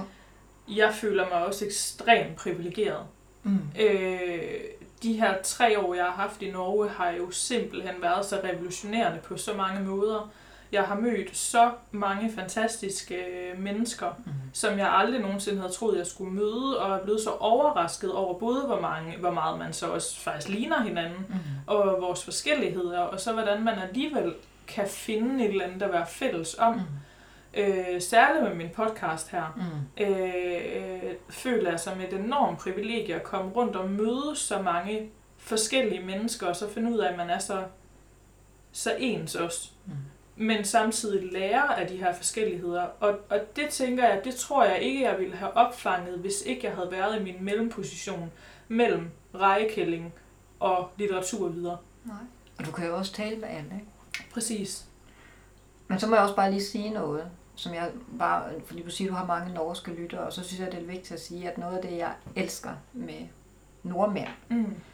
det er, at jeg føler, at de er helt enormt omfavnende. Ja. Og jeg føler, Ja. at man kan, altså hvis en nordmand lukker dig ind, så er det for life. Præcis. Mens at der er danskere, de kan godt virke helt vildt joviale og sådan Ja. noget, men du bliver aldrig rigtig lukket ind. Men det, det, er, det foregår over hækken med en pilsner. Altså, det Ja. ja. gør det ikke med nordmænd. Nej, netop. Det, altså, det er rigtigt. Jeg har også en helt anden øh, opfattelse af noget familiært Mm. Mm. her i Norge, mm. som jeg... Øh, som at det, så det er kommet meget bag på mig Mm. egentlig. At øh, ja, de jeg er kommet i kontakt med, der er det bare, som du siger, all in. Mm. Det er det. Ja, og det, er- det er sgu... Øh, det, det er en fin følelse at sidde igen med. Ja, det synes jeg. og, og, og, være, og, og være blevet omfavnet. Ja. Øh, ja. som den man er. Ja. Øhm, og så er der jo også noget dejligt, det må jeg også lige skyde ind, ikke? Der er jo også noget dejligt befriende ved, at de alle sammen tror, at vi kommer fra København, øh, og, og ikke, fordi hvis man siger, at man kommer fra Esbjerg, så har jo ikke de nogen sådan negative øh, konnotationer lagt til Esbjerg. Altså, Nej. der er ikke noget, eller De associationer. ved ikke, at der lugter af fisk. Nej, det er fuldstændig lige meget for dem, altså, fordi alle, hvis, de, hvis nordmænd kommer til Esbjerg, så vil de bare tænke, gud, hvor er her flot, altså Ja. sådan, nej, wow, altså, fordi det, det er ligesom de der gamle danske bygninger, nu er de jo ikke sådan super gamle i Esbjerg, men altså, alligevel, ikke?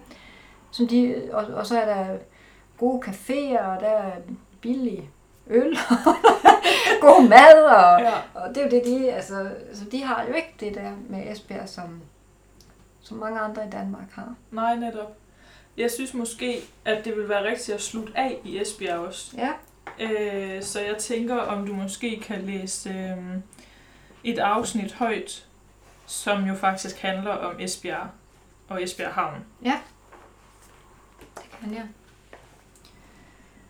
Og det, det, det er så ikke så længe øh, før øh, det afsnit, jeg læste op først, så vi er stadigvæk øh, ironisk nok øh, i blå vand med damen, altså, men, men vi snakker om Esbjerg, eller vi skal høre om Esbjerg.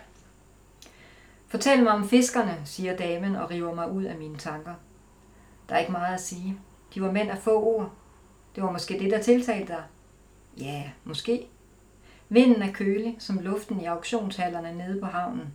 Fiskere og opkøbere står i en ring omkring de hvide plastikkasser, hvor de friskfangede fisk ligger på køl. Det er tidligere om morgenen, og gulvet glinser af vand fra isen, der langsomt smelter. Det lugter af penge, siger Erik, men det passer ikke. Fisk lugter af tang og alger, og Erik, der er kommet hjem. Aktionarius råber budene hen over mit hoved. Jeg forstår ikke et ord af det, men det behøver jeg heller ikke. For Erik klemmer min hånd, hver gang han får en god pris.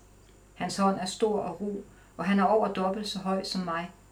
Jeg ser op på hans ansigt. Han bevæger læberne, som om han snakker med sig selv, og med jævne mellemrum dukker der tre rynker op i hans ellers helt glatte pande. Han har sin brune læderjakke og sine sorte træsko på. Nu lugter Esbjerg ikke mere, og fiskerne er forsvundet. Tusind tak. Selv tak. Tusind tak for en interessant samtale, og for, altså, for den her oplevelse, den her bog også har været. I lige måde med din bog. Jeg synes, det er smukt, som to Esbjerg-piger. Ja, som blev forenet her over en øretæve og en Ja. kop kaffe. det er godt.